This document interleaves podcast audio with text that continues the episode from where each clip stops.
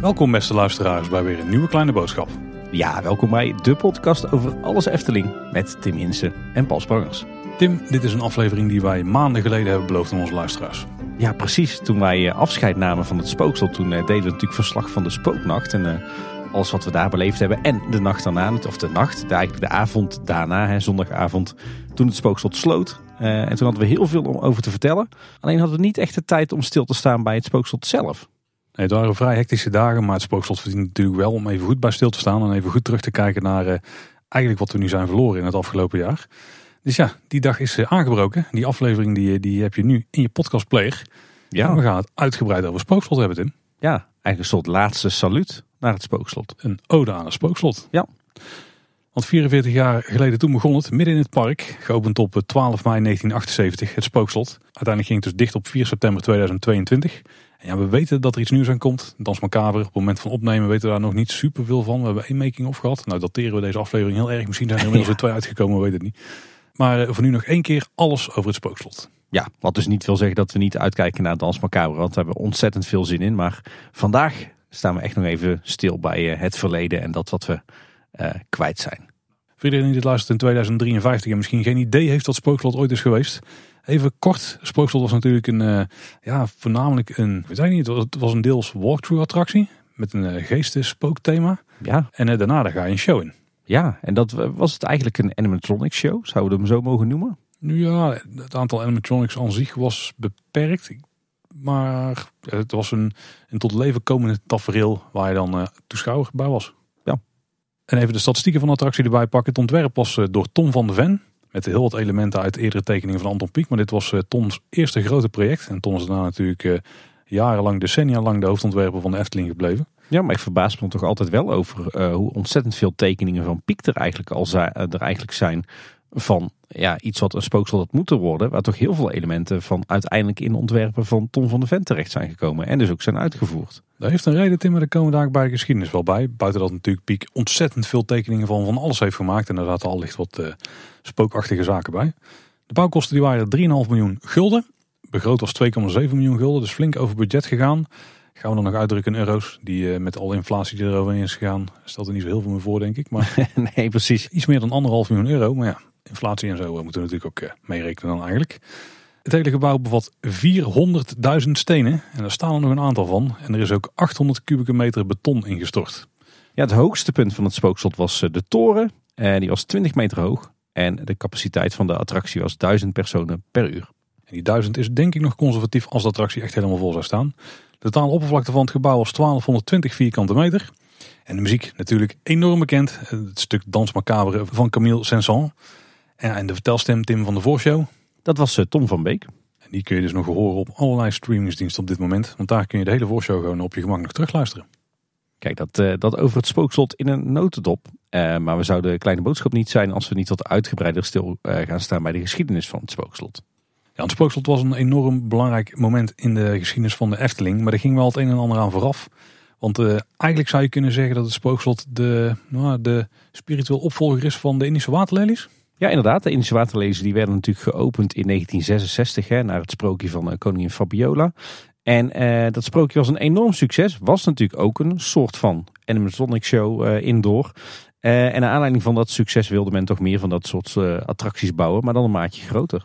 Ja, en in 1967 en 68 verschenen er al plannen waar een spookkasteel op stond. Dat waren namelijk de tekeningen die Piek maakte voor het A-veld. Daar hebben we het al in een eerdere aflevering eens over gehad. Aflevering 116, namelijk de niet gerealiseerde Efteling projecten, het eerste deel daarvan.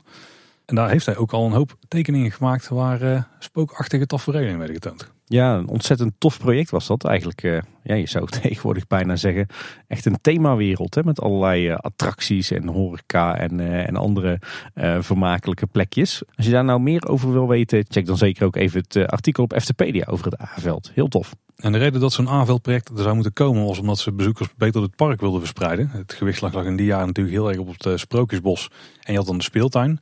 Maar dat was allemaal aan de voorkant van het park ten opzichte van waar de entrees toen waren. En ze wilden mensen meer naar de achterkant van het park toe, toe trekken. En ze wouden ook de oudere jeugd aanspreken, de doelgroep van 12 tot 18 jaar. Die hadden namelijk in het park niet heel veel meer te zoeken als wat ouder werden. Ja, vandaar dat je ook zag dat er op het A-veld naast een spokerstil ook een achtbaan zou komen. Wat op zichzelf natuurlijk best opvallend was. Aangezien deze plannen in de jaren 60 ontwikkeld werden. Dus de Efteling was er wat dat betreft met zo'n achtbaan best vroeg bij. Al was het plan voor de achtbaan wel een stuk minder heftig dan wat de Python uiteindelijk is geworden natuurlijk. Ja, zeker. En dan ontstaat er weer een nieuw plan, dit keer in 1974. En daarbij zou er een Chinees project gerealiseerd moeten worden. En ook daar zou een spookhuis onderdeel van zijn. En uh, daarvoor waren drie locaties in beeld. De Sint-Nicolaasplaats, kun je je voorstellen Tim. De Speelweide en de Vondelplas. Ja, Sint-Nicolaasplaats, uh, voor je gevoel nu uh, past dat daar niet meer. Maar ja, inmiddels staan natuurlijk Droomvlucht, Ravelijn en Villa Volta. Maar destijds was, waren dat gewoon de voetbalvelden. Hè? Ja, dat is trouwens waar. Ja. Ja, ja. 1974 was om andere reden ook nog een belangrijk jaar. Want dat is ook het jaar waarin Tom van der Ven de Haunted Mansion bezoekt in Walt Disney World. Kijk, toch een klein beetje inspiratie denk ik voor een spookattractie. Ja, absoluut. Uh, de plannen voor zowel het A-veld als het Chinese project gingen uiteindelijk niet door. Maar we zitten dan natuurlijk al, uh, al ergens halverwege de jaren 70. En uh, men pakte toen alsnog als eerste de ontwikkeling van de plannen voor een spookhuis op. die er dus al lang waren. alleen die kregen een andere vorm. En dat project kreeg de werknaam Station Halfweg. en dan vraag je je misschien af, waar komt die naam nou vandaan, Station Halfweg? Maar dat was eigenlijk letterlijk wat die spookattractie moest worden. Uh, die was al gepland op de locatie waar later daadwerkelijk het spookslot te vinden was. Uh, voor de, luisteraars die dat misschien niet meer weten, bij Fabula. En waarom heette dat project nou Station Halfweg? Nou, dat was eigenlijk heel letterlijk. want men had op dat moment al de locatie van het spookslot op het oog. En dat was ja, zo'n beetje halverwege het park. En die attractie moest mensen wegtrekken uit uh, het, het Sprookjesbos en de speeltuin, het Anton Pieckplein. Wat meer naar de zuidkant van het park. En ja, halverwege had je dan station Halfweg, wat, wat jou die kant op moest lokken. En die plannen daarvoor die waren misschien nog wel ambitieuzer dan wat uiteindelijk Spookslot is geworden. En want het gebouw zou daarbij ongeveer twee keer zo groot worden. Het zou wel op dezelfde plek liggen. Een deel van de elementen zouden nog zijn. Je zou die eh, gaande rijden aan de rechterkant van het gebouw. Maar die lag bij station Halfweg dus exact in het midden. Want het hele gebouw wat we nu aan de linkerkant kennen, iets vergelijkbaars zou ook aan de rechterkant komen. Misschien was het zelfs nog wel groter aan beide kanten. Het idee was dat je daarbij op ongeveer dezelfde plek als waar je nu het gebouw uh, binnen gaat, ook weer naar binnen gaat. Dan zou je een klein beetje omhoog lopen en dan zou je uitkijken op een soort ronde scène. Denk ik vergelijkbaar met, um, met wat we nu zien, zeg maar. Dus noemen het daar de geestenopera. En dan kon je dan een halve cirkel omheen staan en uh, naar dat tafereel kijken. En dan kon je daarna nog verder lopen. En dan liep je een uh, bijna volledige cirkel rondom een binnenplaats van de ruïne. Waar dan vast ook nog zeker het een en ander te zien was. En eh, de uitgang zat dan ongeveer, eigenlijk als je de, de uiteindelijke tunnel zou doorlopen van Spookslot, dan zou je daar rechts van aan het einde, daar zou je dan weer naar buiten lopen. En dit alles ook nog tot de maquette gekomen. En die maquette, Tim, die heb je wel eens in handen gehad volgens mij. Ja, klopt. Die heb ik als, eh, als vakantiekracht van de Smulpaap nog een uh, soort van gered uit uh, de, een van de oude werkplaatsen van, van de vormgevers. Die in dat jaar omgebouwd zou gaan worden tot de nieuwe Smulpaap. En die stond daar ergens inderdaad in een stoffig hoekje. Maar die hebben we toen netjes naar het archief gebracht.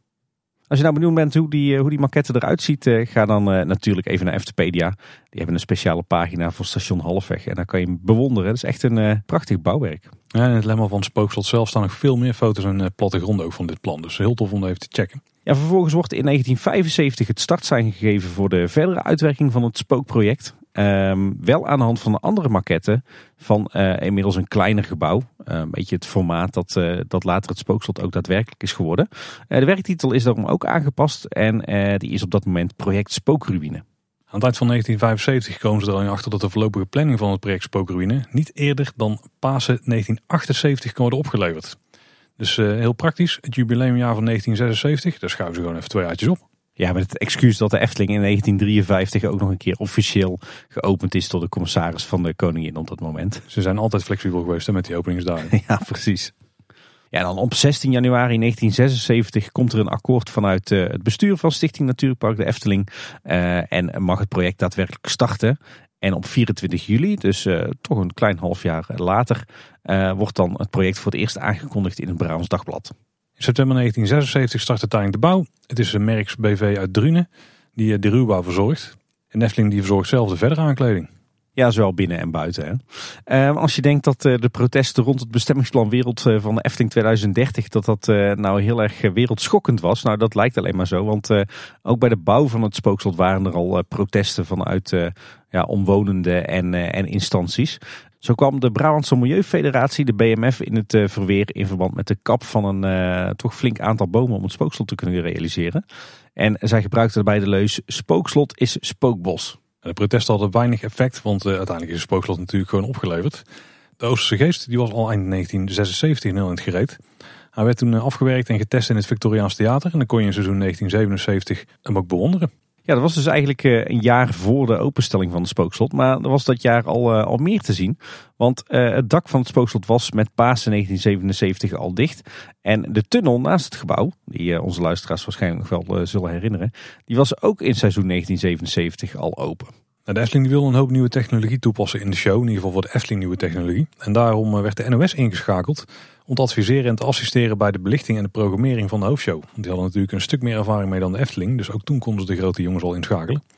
De uiteindelijke opening die vond plaats dus op 10 mei 1978 door Ted Hazekamp, staatssecretaris Economische Zaken. Ja, kan je nagaan dat ze dus nog een jaar bezig zijn geweest tussen zeg maar, het, uh, het gereedkomen van de ruwbouw en de daadwerkelijke opening. Dus ze hebben behoorlijk de tijd genomen voor uh, de binneninrichting. Is er ook wel aan af te zien natuurlijk. Ja. Die opening die was uh, trouwens een hele happening. Het eerste gedeelte daarvan uh, vond plaats in het Witte Paard. Het restaurant wat uh, op dat moment net een paar jaar open was. Maar voor de gelegenheid was die omgetoverd tot de Zwarte Vleermuis. Wat natuurlijk helemaal in het spookslot thema was. bij die opening waren honderden gasten uitgenodigd. Een flink gezelschap. En na het officiële gedeelte in die Zwarte Vleermuis werd het gezelschap naar het spookslot geleid allerlei uh, spookachtige figuren. Uh, uitgebeeld door een Britse theatergroep. Die uh, hadden interactie met het publiek. En zij zorgden ook voor een hele spannende spookachtige opening. En uiteindelijk is het dus die Ted Hazekamp, de staatssecretaris van Economische Zaken, die de attractie opent door met een bijl een touw door te hakken. bijgestaan door een figuur die we kennen als de Vreemde Dame. Een dag later, op 11 mei, is de opening voor het personeel. En dan nog een dag later, op 12 mei 1978, opent de spookslot voor publiek. En dat is ook de avond waarop uh, op de tv de special rondom Kate Bush wordt uitgezonden. Ja, natuurlijk een bekende Britse artieste die uh, ja, ook uh, wat spookachtige nummers in haar oeuvre had. En die een aantal clips bij haar nummers heeft opgenomen bij en rond het spookslot. Dat zorgt natuurlijk voor, uh, voor enorm veel publiciteit. Want ja, in die tijd waren er nog niet zo heel veel tv-zenders. Dus als je dan als, uh, als Efteling de nationale televisie haalde. met dan ook nog eens een Britse topartiest. Ja, dan kon je natuurlijk gegarandeerd rekenen op uh, de aandacht van de hele natie. En dat lukte de Efteling ook nog een keer, Tim. Want een aantal weken later, op 26 mei. toen was Tom van der Vente gast in het programma Voor de Vuist Weg met Willem Duis. Wat volgens mij toch een van de populairste programma's van dat moment was. Ja, je zou ook bijna kunnen zeggen: de wereld draait door van destijds. Ja. Hoewel de wereld eruit niet meer bestaat op dit moment. En misschien ook niet de beste naam heeft. Misschien kunnen we dat beter niet zeggen. Overigens is wel grappig dat, eh, dat Willem Duis eh, op dat moment in die uitzending eh, behoorlijk van de kaart was. En dat daardoor Tom van Ven, die de Efteling vertegenwoordigde, dat hij aardig de hoofdrol kon pakken in die, in die aflevering. Dus ook dat leverde natuurlijk ontzettend veel publiciteit op. Nou Tim, en dat had allemaal effect, want 1978 was een enorm succesvol jaar. Stel je voor, de Efteling zat in 1977 nog op ongeveer 1,1, misschien net iets meer bezoeken. En in 1978 zijn er 300.000 extra bezoekers door de poort heen gekomen. Dus dat is gewoon een, 30% extra bezoekers dat jaar erbij. Dat gebeurt nooit meer tegenwoordig. Nee, je moet je nagaan wat het effect wel is van zo'n investering dan. Hè? Ja. Het spookslot was toch nog niet helemaal blijkbaar. Want in 1979 hebben ze de eerste tweaks gedaan. Toen is de rammelende deur toegevoegd. Mooi element uit de wachtrij. Ja, zeker. En het verhaal verteld door Tom van Beek is toegevoegd. En ze hebben zelfs aanpassingen gedaan in de hoofdshow. Want er, eh, voor iedereen die de laatste jaren nog in het spookslot is geweest er hingen natuurlijk altijd een soort van, van die vreemde gemetselde bouwwerken aan het plafond, zeg maar. Maar er waren eerst gewoon complete kolommen die tot echt op de grond stonden. Maar die ontnamen het zicht vanuit een aantal hoeken eh, vanuit de gaande rijen. Dus die hebben ze gewoon verwijderd, zodat iedereen veel beter de show kon zien. Ja, de restanten daarvan die hingen nog wel gewoon aan het plafond. Hè? Dus je kon wel precies zien waar die kolommen hadden gestaan. Dat ook wel leuke elementen, want het, het, natuurlijk een beetje de illusie dat jij zelf als toeschouwer ook achter een soort van uh, ruïne staat. Maar ja, uiteindelijk was de zichtbaarheid van de hoofdshow denk ik belangrijker dan die illusie.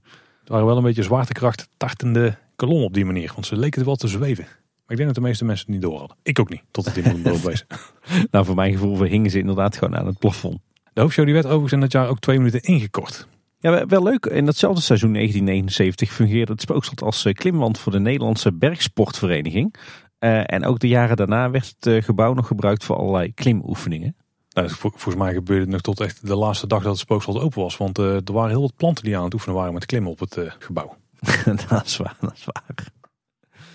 Hey, een heel aantal jaar later, in 1987, uh, kwam er weer een grootschalige renovatie voor het spookslot. Zo werd de jammerende man toegevoegd in de voorshow. En het verhaal van Tom van Beek verdwijnt op dat moment. Oh. En de hele show die wordt dan ook opnieuw geprogrammeerd qua licht, geluid en bewegingen. En dat is niet voor niks, want er wordt dan een, een nieuwe besturingstechniek toegepast. Dus dan gaat alle oude hardware uit 1978 het gebouw uit. In 1989 wordt opnieuw de programmering aangepast. En dit keer gaat hij iets verder terug richting het origineel. Dus de verkorte verkorte versie wordt weer de meer verkorte versie. Ja, men was eigenlijk totaal niet tevreden over die aanpassingen uit 1987. Dus die hebben ze eigenlijk gewoon ongedaan gemaakt. En dan maken we een sprongetje van 10 jaar. Er verandert daarbij niks aan het spookslot zelf. Maar we zien wel de verschrikkelijke sneeuwman verschijnen in de put die voor het spookslot zich bevindt. En die zit daar tijdens de winter Efteling. IJzige IJsbrand die maakt ook zijn opwachting dat jaar. Ja, dat was een, een karakter wat, wat we ja, in principe niet terugzien in het verhaal van het spookslot. Maar wat er wel ja, tegenaan schurkt. Hè? En dat zijn ook de eerste banden die de huidige ontwerper van het Dans Macabre heeft, uh, heeft gelegd ik, met spookslot in professionele zin. Maar een, uh, ja, een heel tof karakter. En af en toe dan zag je hem zelfs ook even, even verschijnen in de hoofdshow, hè? in de, de geestenmode. In 2001 zijn er toch weer wijzigingen aan het spookslot zelf. Het verhaal keert weer terug. Tom van Beek kun je weer horen in de wachtrij. En ook spookachtige geluiden zijn toegevoegd in de Vlederikkenzaal. Maar 2001 is om een andere reden nog een uh, ander noemenswaardig jaar, Tim. Ja, want dan, dus ruim 20 jaar geleden, dan ontstaan eigenlijk in de fanscene al de eerste geruchten over het feit dat het spookslot zou moeten verdwijnen. Vanwege problemen met de brandveiligheid. Hè. Dat kan je je ook wel voorstellen met, uh, met een decor van alleen maar piepschuim. Uh, en dat leidde destijds tot aardig wat ophef uh, onder de Efteling-liefhebbers. Ik kan me dat nog best goed herinneren, want ik was toen zelf ook volop actief in de wereld van de mailinglists. Maar ja, goed, uiteindelijk hebben ze het nog 21 jaar kunnen rekken daarna. Wat je dus wel ziet in de jaren daarna is dat er weinig meer gebeurt aan het slot zelf. Er wordt niet meer getweakt en zo. Er wordt natuurlijk wel gewoon onderhoud gepleegd. Want het is eigenlijk altijd wel vrij goed blijven draaien. En wat we wel zien gebeuren zijn wat dingen in de omgeving van het spookslot. In 2004 hebben we bijvoorbeeld de opening van het heksenpad. Dus een mooi stukje door het natuurgebied daarachter. Er heeft natuurlijk ook nog jaren daar een, eh, een testopstelling gestaan voor een eventueel huisje wat zou kunnen verschijnen op een van de vakantieparken. Dan in 2012 krijgen we de Winterse Illusie in de gaanderij langs het spookslot. Wat ik zelf een van de tofste Winterse Illusies vond trouwens. Die helaas is weggehaald. Ik denk omdat heel veel kinderen er dan niet meer doorheen durfden. Wat een beetje wat dan een praktisch gasflow probleem oplevert in het park, gok ik. Ja, want het waren, ja, er waren eigenlijk drie spookachtige figuren die werden geprojecteerd op de wanden in de tunnel. Hè? Die eigenlijk een beetje met je meeliepen. Ja. En het was een overdekt stuk, dus je kon het bijna de hele dag zien. Want het is er altijd vrij donker. Dus het werkte daar gewoon echt heel goed. Ja. En dan maken we weer een sprong in de tijd. In dit geval 10 jaar in de tijd in naar 2022, 24 januari om exact te zijn. Dan wordt het eindelijk bekendgemaakt. Het spookslot gaat verdwijnen.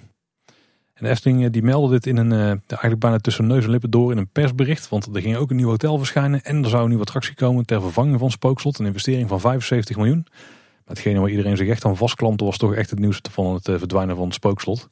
Nou, dat wel het voeten in aarde. Daar hebben we natuurlijk uitgebreid over gehad in onze nieuwsafleveringen rond die tijd. Dus uh, luister die daarvoor zeker terug als je er alles over wil weten. Maar vanaf dat moment werkten we natuurlijk met z'n allen toe naar één moment. En dat was 4 september 2022. Het moment dat het spookslot voor het allerlaatste een showtje draaide. En uh, dat de deuren voor altijd dicht gingen. Het was een roerig jaar voor het spookslot. Hè, met uh, al die protesten met instanties die uh, naar de gemeente stapten en naar de media stapten om te voorkomen dat het spookslot gesloopt werd. Maar ook natuurlijk het spookslotboek wat uitkwam.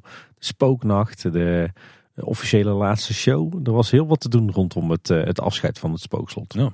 We hebben natuurlijk nu de geschiedenis doorgenomen. Dit is natuurlijk een beknopte versie van het geheel. Wil je nou echt alles erover weten? Ik denk dat, je, dat we je dan het beste kunnen verwijzen naar het FTP-dilemma over Spookslot. Die linken we uiteraard in de show notes. Ook een enorm grote bron geweest voor deze aflevering. Voor in ieder geval deze delen van de aflevering. Uh, maar we hebben natuurlijk ook het mooie Spookslotboek. Hij ligt hier uh, naast ons, Tim. En die kun je ook nog eens uh, erop naslaan als je alles over het Spookslot wil weten. Als je tenminste het geluk hebt dat je een exemplaar bestelt natuurlijk. Ja, dat was op een gegeven moment vrije keuze. Je hoeft er niet meer op een bepaald moment heel vroeg in het park te zijn. Laten we dat vergeten. Ja, precies. Daar hebben we het vaak genoeg over gehad in, uh, in nieuwsafleveringen van Kleine Boodschap. Dat is over de geschiedenis van het spookslot. Maar inmiddels uh, bestaat het spookslot al een paar maanden niet meer. Is het gesloopt. En op het moment dat je deze aflevering luistert of later nog eens terugluistert, dan is het misschien al jaren geleden. Dus ja, laten we gewoon eens wat herinneringen ophalen aan het spookslot. Hoe zag het eruit? Waar stond het? Uh, wat, wat was er binnen allemaal te zien? Laten we teruggaan naar uh, ja, 2022, toen het, het, slot er nog stond. Wordt inmiddels flink geraafd in ons geheugen. Zullen we dan aan de buitenkant beginnen? Hoe, uh, hoe benaderden wij het spookslot tot uit? Ja, het was natuurlijk prachtig gelegen in het hart van de Efteling. De laatste jaren kwam je er eigenlijk uh, door uh, een afslag te nemen van de Pardoespromenade. Tegenover de achterkant van, van Kogelogen en Langnek. Had je natuurlijk een, ja, een beetje ruïneachtige muur aan de Pardoespromenade. Met een, een mooie roestige ijzeren poort. En als je die doorging, dan kwam je eerst op een soort pleintje voor de ingang van, van Fabula met een buggystalling. En als je dan iets verder doorliep, dan kwam je eigenlijk op dat, dat originele voorplein van het spookslot, zoals dat er eigenlijk sinds 1978 altijd al is geweest. De flagstone vloer natuurlijk. En de put die daar stond. En de galgpaal met het woord spookslot eraan. En dan natuurlijk de, de doorgang, de tunnel naar het Witte Walvisplein. Of hoe noem je dat plein? Ja, voor mij was het altijd het achterplein van het spookslot of het uitgangsplein. Maar Witte Walvisplein vind ik ook wel een goeie. Maar ook daarnaast, naast die tunnel, had je nog een paar uh, ruïnedelen staan, zeg maar. Hè? Dat hadden de jammerende vrouw, zoals we die op een gegeven moment zijn gaan noemen. Ja, wat eigenlijk gewoon een, een stapel stenen was, die als je door je ooghaartjes keek, wel inderdaad een beetje ja, het, het silhouet had van een, een treurende dame, ja. Ik denk dat op van die Twitter-accounts waarbij ze, waarbij ze Jezus en Maria zien in allerlei objecten, dan hadden ze hier misschien wel Maria in kunnen zien ook. Ja, later in de, de, de eerste impressietekeningen van Dans Macabre zien we die dame ja, voor mijn gevoel weer terugkomen. Maar dan een beetje als een treurende engel. Hè? Ja. Maar goed, en eh, het voorplein van het spooksel dus heel sfeervol. Met name doordat er ontzettend veel bomen rondomheen stonden. En ook op het plein vonden we heel wat bomen. Met name heel veel eh, grove dennen. Die dus uh, ja, met name een heel dicht bladerdak vormden. En daardoor was het spookselplein was ook altijd ja, heel erg schaduwrijk en, en bijna een beetje duister. Hè? Zeker. En voordat je bij Spookslot zelf kwam, zou je ook nog linksaf kunnen slaan, het bos in. En dan uh, ging je het heksenpad aflopen, wat een uh, dus later toegevoegd stukje openbaar pad is in het park. Wat ik zelf echt een enorm tof stukje park altijd vond. We krijgen hopelijk weer zoiets terug straks. Maar daarbij liepen we dus ook langs de achterkant van het Spookslot. En dan kun je ook zien die, dat het daar, ja, voor wat het was, in ieder geval nog goed was afgewerkt. Alles was gewoon netjes gestuukt rondom. Het was wel een vrij vlakke wand aan die kant. Maar je liep dan wel ook zo om die toren heen van het Spookslot. En ook een vrij ja, donker bos toch, omdat er ook zo'n flink bladerdek werd gevormd. Wel wat meer beuken die hier stonden. Met een hoop houten balken langs de paden om eh, de paden te scheiden. Past er ook wel erg goed in die sferen van het slot, denk ik. Zeker, was en is ook een heel bijzonder plekje in de Efteling. Want volgens mij een beetje, ja, je zou bijna kunnen zeggen, het, het, het, het enige resterende natuurreservaat in de Efteling. Hè? Een heel erg ja, nog mhm. maagdelijk stuk bos waar, waar verder weinig aan was gebeurd. Uh, volgens mij ook het, het hoogst liggende gedeelte van de Efteling. Op de restanten van uh, de Eftelingse berg wat die in de volksmond ook wel eens de Tietenberg eh, werd genoemd. Uh, die zich natuurlijk uitstrekt tussen het, uh, het oude spookslot en wat we nu kennen als, als Harthof, het voorplein van Symbolica. Ja, wat je al zei, met met name heel veel beuken die hele mooie dikke stammen hebben, maar waar eigenlijk verder niks tussen groeit. Dus je had een spooky bos met hele dikke stammen boven in blad. En ja, verder was het, was het vooral ja, een heel erg lege, heuvelachtige omgeving. En er werd ook wel tof gebruik van gemaakt. En niet alleen uh, door dat heksenpad in te richten in 2004. Uh, eh, maar ik weet bijvoorbeeld ook nog dat tijdens de midzomernachtavonden... Dat daar een silent disco was. waar je dan ook absint kon krijgen. Voor de nodige hallucinaties. en het stand wat daar dus ligt... is dus vanwege alles wat ze hebben uitgegraven uit de siervijver. Ja, en jij zegt trouwens heksenpad. Dat was nooit echt de officiële naam hè, vanuit de Efteling. Die naam hebben Efteling-liefhebbers eraan gegeven. En om dat kracht bij te zetten hebben ze zelfs ooit zelf zo'n typisch Eftelings bordje gemaakt. Met Eftelings lettertype uh, en dan heksenpad erop. En het grappige is dus dat de Efteling-organisatie die term in de loop der jaren gewoon heeft overgenomen. En dat het inmiddels wel de officiële term voor dat, uh, dat pad is. Pad kwam trouwens uit op uh, zo'n beetje het, uiteinde van de Spiegellaan hè, aan de Gondoletta. Ja. En je zei net al, de sfeer hier was best wel spooky. En dat blijkt ook wel. De Efteling had het zelf ook door. Want toen ze de making-of moesten gaan maken van Baron 1898. Toen was het natuurlijk een paar scènes nodig om te filmen. En uiteindelijk, uh, de hoofdkarakters die, die komen in de mijn terecht. En die staat op instort en dan moeten ze uit ontsnappen. En de sfeer is dan natuurlijk een beetje beklemmend en spooky. En dan komen ze dus ook in een heel spannend bos uiteindelijk terecht. En ontsnappen ze uit de tunnel, uit de mijn. Maar eigenlijk kruipen ze dan gewoon tussen de boomwortels vandaan op het heksenpad. Ja, laten we dan eh, even het, het heksenpad achter ons laten en weer teruggaan naar het, eh, het prachtige voorplein van het spookslot. Uh, de, de voorgevel van het spookslot, dat was toch echt wel een, een heel mooi stukje Efteling. Een prachtig gebouw met een hele toffe ingang. Eigenlijk ja, twee dubbele deuren met daarboven in natuursteen een hele spooky kop. en links van die voorgevel de grote toren, het hoogste punt van het gebouw. En dit gebouw was echt een klassiek Eftelingsgebouw. Hè? Het had er misschien wel geen lijststenen dak, niet aan deze kant in ieder geval. Maar de vormgeving daar was gewoon een ouderwets stukwerk. Een hoop doorpiepende baksteentjes. En toch ontzettend veel details erin. Ja, zeker ook boven die, die dubbele deur waar je door naar binnen liep. Daar zat ook een soort van, ja, wat zat er? Een soort relief eigenlijk in, hè? Jazeker, ja, en wat ik natuurlijk de ramen die er nog boven zaten. En wat ik zelf heel tof vond, het Gils door de jaren heen enorm overwoekerd door klimop. Wat ook wel extra bijdroeg aan de sfeer. Een belangrijk element raakte daardoor wel een beetje verloren. Want er was natuurlijk ook een soort kop in eh, de voorgevel. Dus een soort schedel die daar, eh, die daar zat. Die zat meer een beetje linksboven in de voorgevel, hè, tegen, de, tegen de toren aan. En die toren was dus echt enorm hoog, 20 meter zoals we al zeiden. Heeft de gemoeder ook lang bezig gehouden. Zou dat niet de, de plek kunnen zijn waardoor, waarin we nieuwe toevoegingen kunnen doen aan het spookslot. Waardoor we kunnen pimpen, een droptoren erin en zo. Nou, vrij onrealistisch natuurlijk in de praktijk. Maar die toren was wel echt een bonk van een ding. En een klein deel daarvan staat er nog. Want ze hebben hem afgebroken ongeveer tot een meter of acht volgens mij. Uh, nu een echt een afgebrokkelde ruïnetoren van, uh, van gemaakt. En wie weet hoe het in Dans Macabre wordt verwerkt. Op dit moment nog niet bekend. Maar die toren vormde ook om een andere reden een heel tof element wat mij betreft dan uh, aan Spookslot. En dat was dat het zo half in de heuvel lag die, er, die ernaast lag. Dat was echt een, een gebouw wat wat dat betreft in mijn optiek wel één was met de natuur, zeg maar. Het was net van, dit, dit is gewoon hoe het, hoe het hoort. Bijna of, of dat, die, uh, dat het zand er in de jaren hè, uh, tegenaan is gewaaid en dat daar zich allerlei groen op heeft gevormd en uh, dat zo die natuur er rondomheen is ontstaan. Alsof de ruïne er eigenlijk al stond voordat de Efteling opende. Ja, precies. Ja, ja. ja, ja. Wat ik ook trouwens wel een heel tof detail vond, was dat een beetje in de linkerhoek van het voorplein, zeg maar links van de entree tegen de, de grote toren aan, dat je daar ook allerlei grafzerken had staan. Hè? Ja. ja, en een deurtje. Ja, inderdaad, een heel geheimzinnig deurtje. Ja. Waar, waar, kwam je eigenlijk uit als je de deurtje inging? Was er nooit uit Geen idee. Ik zou het niet durven zeggen. Hm. De deurtje zit er overigens nog steeds, hè? Ja.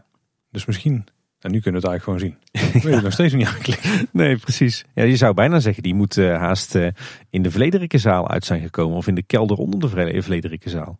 Ik denk, er staat een plattegrondje in het boek. En het boek ligt hiernaast me. Ik denk, zoek het even op. Maar volgens mij kom je door de deurtjes bij de Oosterse geest uit. Als het gewoon het, uh, de dienstingang naar, naar dat decoortje dan. Ja, ik denk eronder dat je dan uitkomt of zo. Misschien echt strak erachter. Daar lijkt het wel op tof, weer iets geleerd. Ja, precies. Hey, we zeiden net al dat dit, dit voorplein van het spookslot, dat dat uh, in de zomer natuurlijk al er heel erg spooky uitzag door, uh, door het hele gesloten bladerdak. Maar sowieso was dit, was dit in alle seizoenen wel een plaatje. En natuurlijk in de winter, als er dan uh, rook uit de put kwam van een verschrikkelijke sneeuwman, dat trok dan zo over het plein. Maar ook als het donker was in de zomer, met überhaupt dat, dat lichtplan, met ja, die hele spooky verlichting. Dit was echt wel een van de mooiste plekjes in de Efteling, vond ik hoor. Ja, zeker ook de belichting dan op dat moment op het spookslot. Met die, die paarse kleur en een beetje die groene gloed en zo. Heel tof, ja. Ja, jij zei ook al de flagstone vloer, maar daar zaten ook allerlei van die hele ruwe keien nog doorheen. Dat was niet altijd even begaanbaar, maar dat, dat paste wel helemaal bij dat, uh, dat ruïnegevoel. Hè? Wat je natuurlijk ook hebt bij de, de ruïne van de abdijtoren in Paradise, ook een beetje een vergelijkbaar sfeertje. Dat had je hier, uh, hier ook wel echt. En als we dan de tunnel nemen aan de rechterkant van het spookslot, dan lopen we dus richting het Witte Walvisplein. En daar uh, hing ook van die enorm toffe kandelaars. En aan de linkerkant daarvan had je op een aantal plekken deuren zitten. Daarmee kon je onder de tribune komen. Die werden ook gebruikt voor opslag van allerlei materiaal. En ooit waren er nog ideeën om daar kleine scènes te maken waar je dan langs kon lopen vanuit de buitenkant van het spookslot. Ambitieus zijn ze altijd wel geweest. Ja, precies. Ja, aan je rechterhand in die tunnel had je op een heel aantal plekken uh, ja, zeg maar kijkopeningen in die gaanderij. Waarmee je uitkeek op het bos. Waar we natuurlijk in de laatste jaren Max en Moritz vonden. Maar daarvoor stond er natuurlijk de Bob. En was het ook een heel erg gesloten bos. Met dan dat, uh, dat, ger, dat gerammel en geratel van de Bob. Dat paste er op de een of andere manier ook wel bij.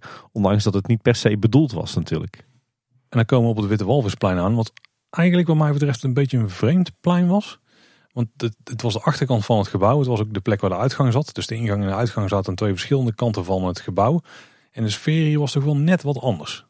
Ja, het was een beetje van, van alles wat. Hè. Eh, je had natuurlijk eh, eh, tegen het gebouw van het spookslot aan had je nog wel die, die, die, die hele ruwe keien. Maar al snel werd het uh, gewoon ja, zo'n typisch Efteling asfaltplein.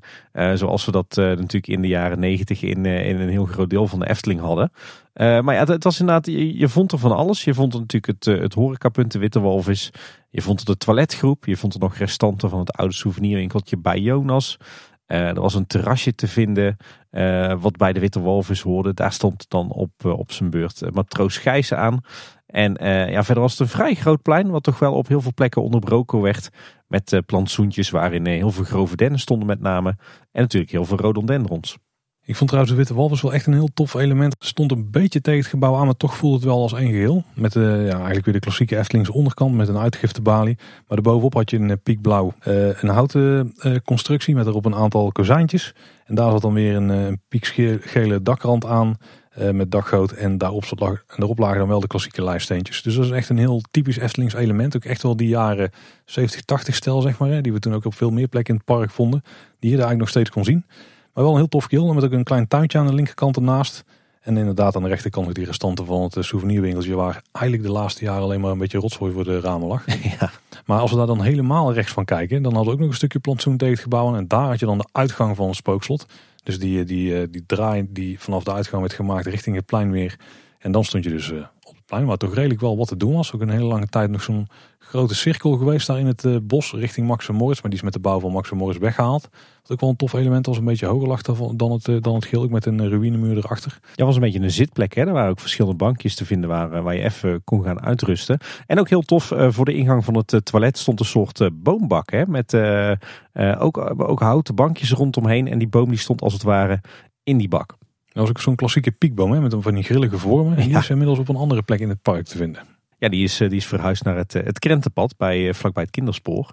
Ja, en verder vonden we sowieso ook heel veel mooie decoratieve elementen nog terug aan de achtergevel van het, het spookslot. Denk bijvoorbeeld aan het prachtige bord van de Witte Walvis zelf.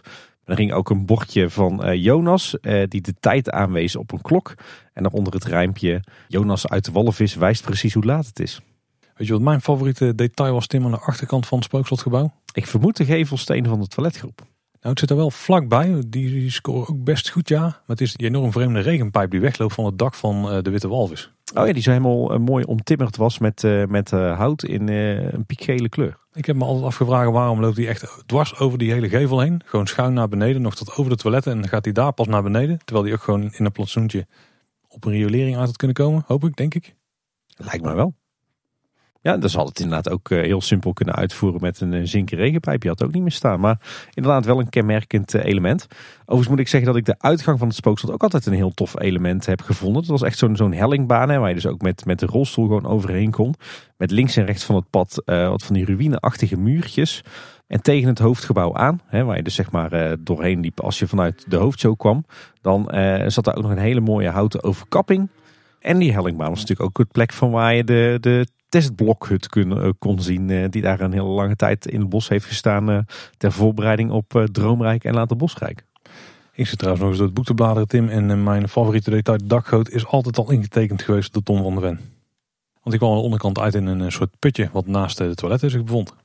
Ja, toiletten zelf was trouwens echt zo'n zo'n typische Efteling toiletgroep. Hè? Moeten we daar nog woorden aan vuil maken? Nee, er is wel wat vuil gemaakt in de toiletten. Ja, al met al dus een, een heel erg raar plein met allerhande stijlelementen. Maar toch had het een heel bijzonder sfeertje. Ik denk ook weer door dat dichte bladerdek en die, en die rodo's. En een best kleurrijk lichtplan. Um, in de winter vond je daar ook uh, een soort guirlandes in de bomen. Uh, met niet normale lampjes, maar uh, vogelkooitjes met daarin lampjes. Dus ja, dat, bijzonder plein. Maar ja, voor mij had het altijd wel een heel mooi sfeertje. Zeker. Zullen we dan eens het gebouw zelf gaan betreden, Tim? Want dat is natuurlijk de plek waar het echt allemaal plaatsvond. Ja, dan moeten we weer terug naar het eh, voorplein, hè, want daar is de, de ingang van, uh, van het spookslot.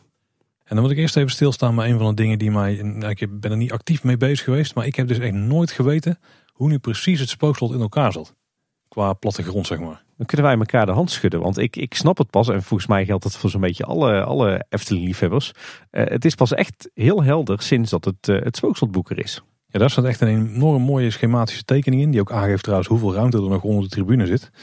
Maar laten we daar dadelijk nog even bij stilstaan. En laten we eerst even gewoon de route aflopen eh, naar de hoofdshow toe. Om te kijken wat er allemaal te zien is onderweg. Ja, nou ja, als je het spookslot binnenliep, dan kwam je eerst voorbij een enorm bordenwoud.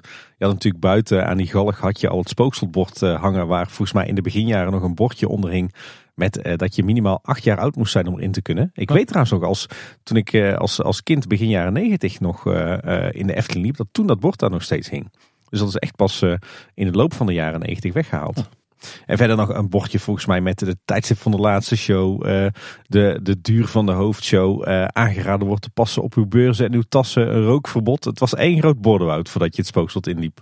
En als je dan het spookslot inliep, dan was het eerste wat je zag helemaal niks. Want het was echt enorm donker daar in, in de wachtrij. In het eerste, tenminste de wachtrij noem ik het wel. Want het was bijna de, de doorloop, of de, de walkthrough. Ja, bijna eigenlijk gewoon vanaf het begin al een soort van voorshow eigenlijk hè? Ja, want ik denk dat als we naar terugkijken, dan was het op het moment van, voordat het gesloopt werd, was dit nou zeker een van de mooiste twee wachterijen denk ik van het park. Die, dat alleen de Vliegende Hollander een beetje op hetzelfde niveau nog zat als dit.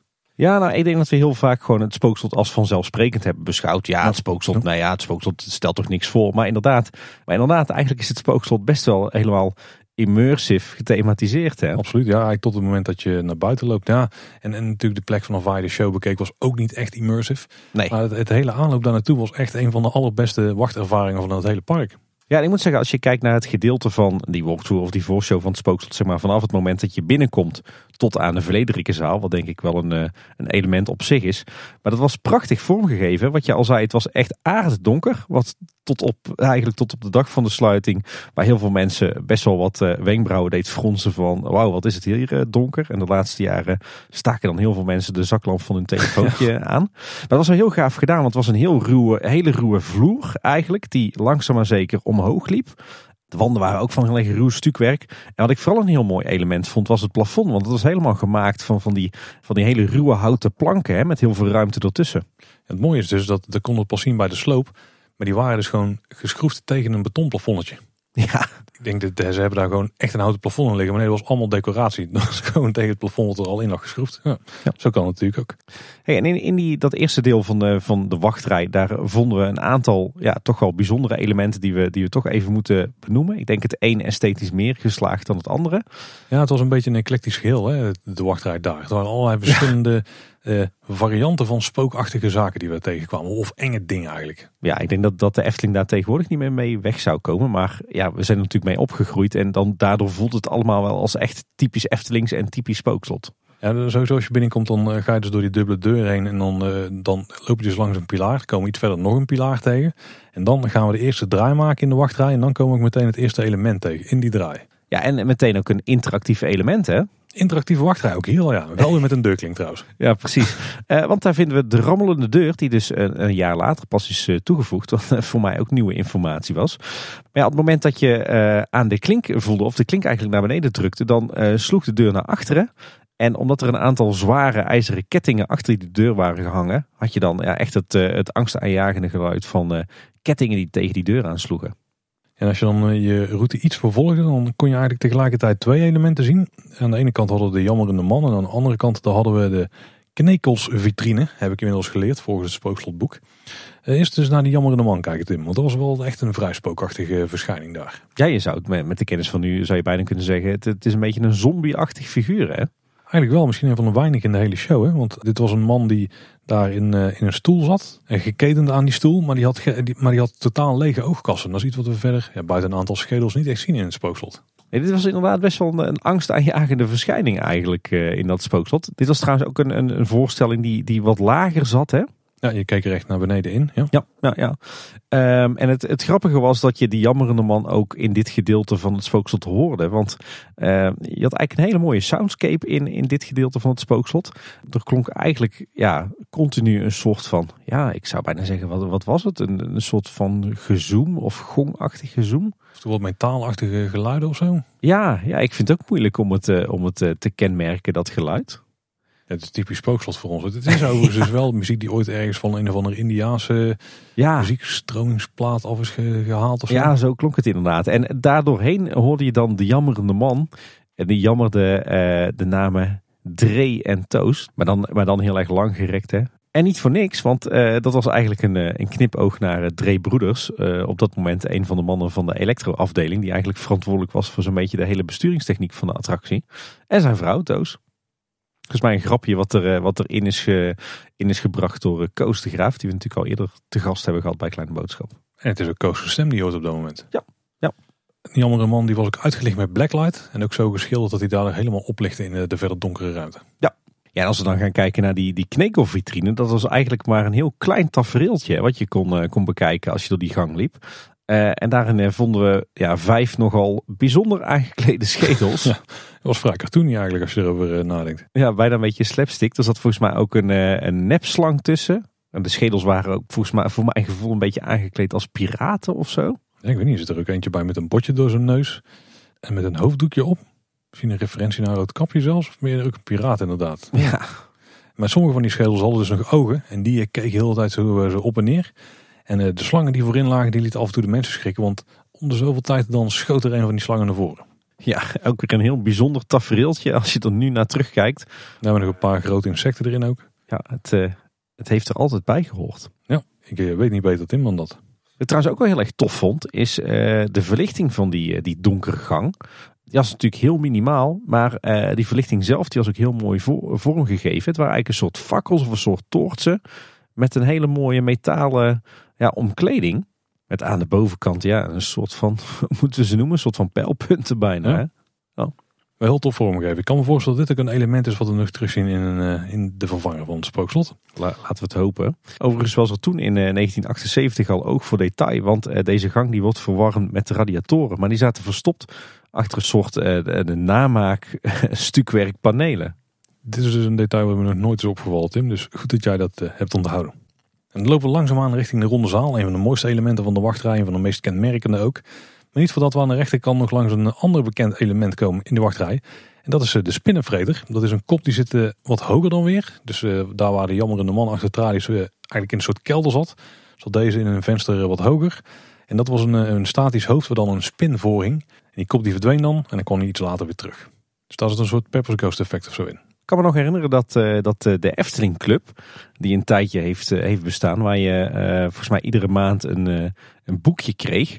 Dat een van de eerste, of misschien zelfs wel het, het allereerste boekje, dat dat dus over het verhaal achter de spinnenvreter ging. Ja, zat er een heel verhaal achter? Ja. Kun je nog ergens vinden, Tim? In jouw collectie natuurlijk. In de ja. Ja, precies. Ergens op zolder heb ik die nog wel liggen, ja. We gaan in ieder geval onze reis vervolgen door de wachtrij. En dan komen we in, ik denk, het mooiste element, Tim. Ja, de, hoe ik het altijd noem, de Vlederike zaal. Maar ik heb ook al uh, de term ronde zaal gehoord en achtkantige zaal. En hoe noemt de Efteling het zelf? De achtkantige toren. Kijk, misschien is die benaming nog wel het, uh, het meest correct.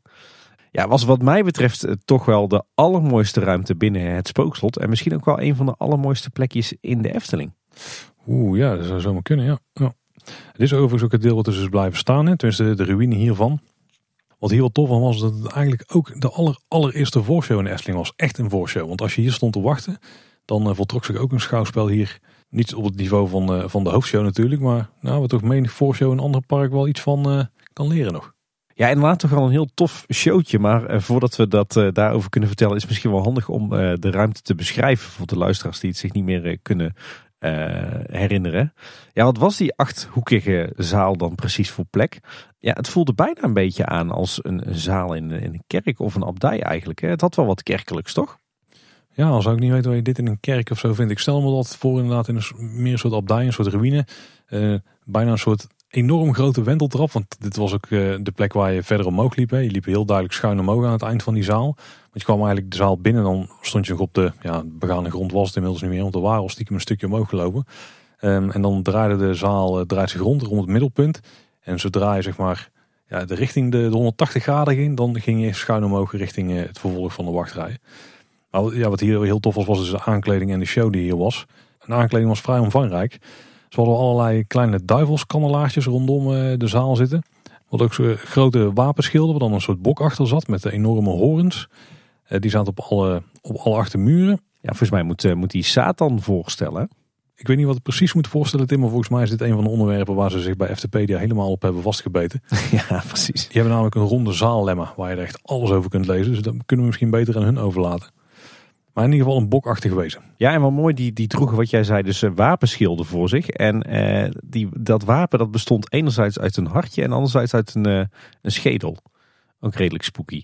Overigens vond ik die, die duivelfiguurtjes die die, uh, die die kaarsjes vasthielden ook wel echt ontzettend tof. Zo. Bijna een beetje schattig en tegelijkertijd ook wel weer wat, wat angstaanjagend. Met echt van die vleermuisvleugeltjes en, en die spiedende oogjes. En dan hadden ze in beide handjes hadden ze zo'n kandelaartje vast. Ja, ik heb als iemand horen omschrijven dat het spookslot ook echt wel humoristische knipogen heeft. En ik denk dat deze duiveltjes wel een goed voorbeeld van zijn. Ook bijvoorbeeld die vitrine met die, met die schedels. En bijvoorbeeld de waterspuurs in de hoofdshow. Ja. Die hadden allemaal wel een beetje de klassieke Tom van de Ven. Ja, bijna schattige vormgevingen. Ja, precies. Over een ander uh, vrij prominent element uh, in die, uh, in die Vlederike zaal of in de, de achtkantige zaal was natuurlijk de kroonluchter in het midden van de zaal. Die op zichzelf nog niet zo heel bijzonder was, maar wel de wijze waarop dat die aan het plafond hing. Ja, want die werd namelijk vastgehouden door een enorme, ja, een enorme arm, erg behaard. Ja, van, van wat? Ja, het, het, ik zie hier dat het beschreven wordt als een harige arm. Het doet me bijna denken aan de arm van een, eh, een hele grote gorilla of zo. Ja, misschien een soort, soort monster van Frankenstein-achtig ding. dus echt een enorme arm. Ja. ja. En die, die hield dus de, de, de kroonluchter vast met zijn wijsvinger door een ring. En daar zaten allerlei kettingen met spinnenwebben aan vast. En daar hing dan weer die kroonluchter aan met uh, ja, kaarsen die licht gaven. En die kroonluchter die stak door het plafond heen. En het plafond was een van de interessantste elementen hier. Erop stonden wat decoratieve figuren. Ook met die bokreferentie, hè? Dus een gehorend gezicht was het. Eh, wat zich in iedere hoek van uh, ja, eigenlijk de acht, vlakken, de acht driehoekige vlakken stonden die het, die het, het geheel vormden, zeg maar. Maar er was wel iets bijzonders mee. Ja, want in normaal bedrijf, als zeg maar het licht gewoon aan was in de Vlederike zaal, dan leek het alsof dat gewoon het plafond was.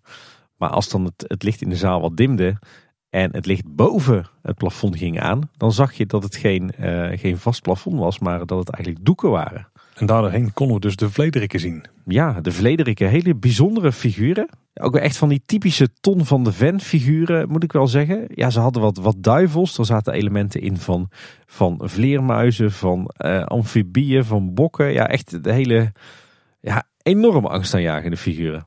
Er vond dus een soort showtje plaats in die achtkantige toren. En dat werkte een beetje op, vooral met het audio en het licht.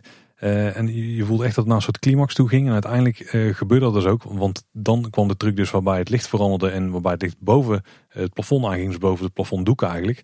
En die vlederikken die vielen dan naar beneden. En voordat ze door het plafond heen zouden storten, ging het licht weer uit. Leek het plafond weer een normaal plafond. En resette de hele show zich. En dat was wel echt het, het hoogtepunt van, van die zaal daar. Met een, een helskabaal als die vlederikken naar beneden vielen. Nou, en dat was deels door de techniek, maar ook deels door de geluidseffecten. Overigens, achter de scherm was het ook wel spannend. Want er was dus daadwerkelijk een deur waarmee dat je boven het plafond kon komen. Maar dan moest je goed opletten dat je niet per ongeluk op een doek ging staan. Want dan zou je natuurlijk gewoon eh, naar beneden kunnen vallen de zaal in. Dus dat eh, hebben ze gelukkig in de loop der jaren wel wat veiliger weten te maken. Trouwens ook altijd een raar element vond is dat uh, midden in die Vlederikkenzaal, uh, zeg maar op het punt waar je, uh, waar je met het pad omhoog krulde, daar stond een soort van, ja wat was het, natuurstenen of betonnen zuiltje met daarin wat verlichting. Natuurlijk om ervoor te zorgen dat je er niet tegenaan liep. Ook wel mooi in thema. Maar dat was al op de een of andere manier altijd een, een element waar mensen dan naartoe liepen om door die, die glasplaatjes heen te kijken waar dat licht uitkwam. Of er dan ook misschien wat bijzonders in die pilaren, in die pilaar te vinden was. Tim, ik beschreef net al de korte showtje en dat het met gelicht en geluidseffecten werkte. Maar weet jij nog precies hoe dat in elkaar stak? Ja, precies ongeveer wel. Precies ongeveer wel. Ja, het leuke was, er was eigenlijk een, dit showtje vond niet alleen plaats in de Vlederikkenzaal, maar ook de, de, de ruimte verderop. Zeg maar de wachtruimte voor de hoofdshow waar de Oosterse Geest zat. En uh, ja, je zou kunnen zeggen dat er parallel een show bij de Oosterse Geest en, en in deze Vlederikkenzaal plaatsvond. Het was eigenlijk een vast programma.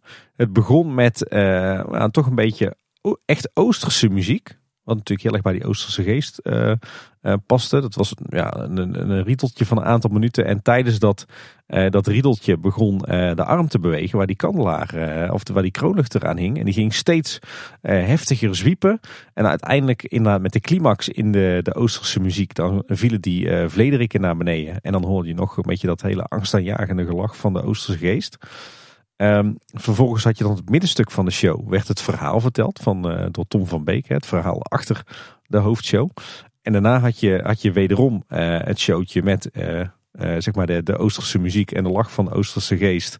En, en die, die kroonluchter die weer flink op en neer ging zwiepen met die Vlederikken als, als climax. En dan eigenlijk als dat showtje geweest was hè, met die drie elementen. Dan had je nog zeg maar de, de, de, de, je zou bijna zeggen de pauzemuziek. Dan gebeurde er eigenlijk qua show niks meer.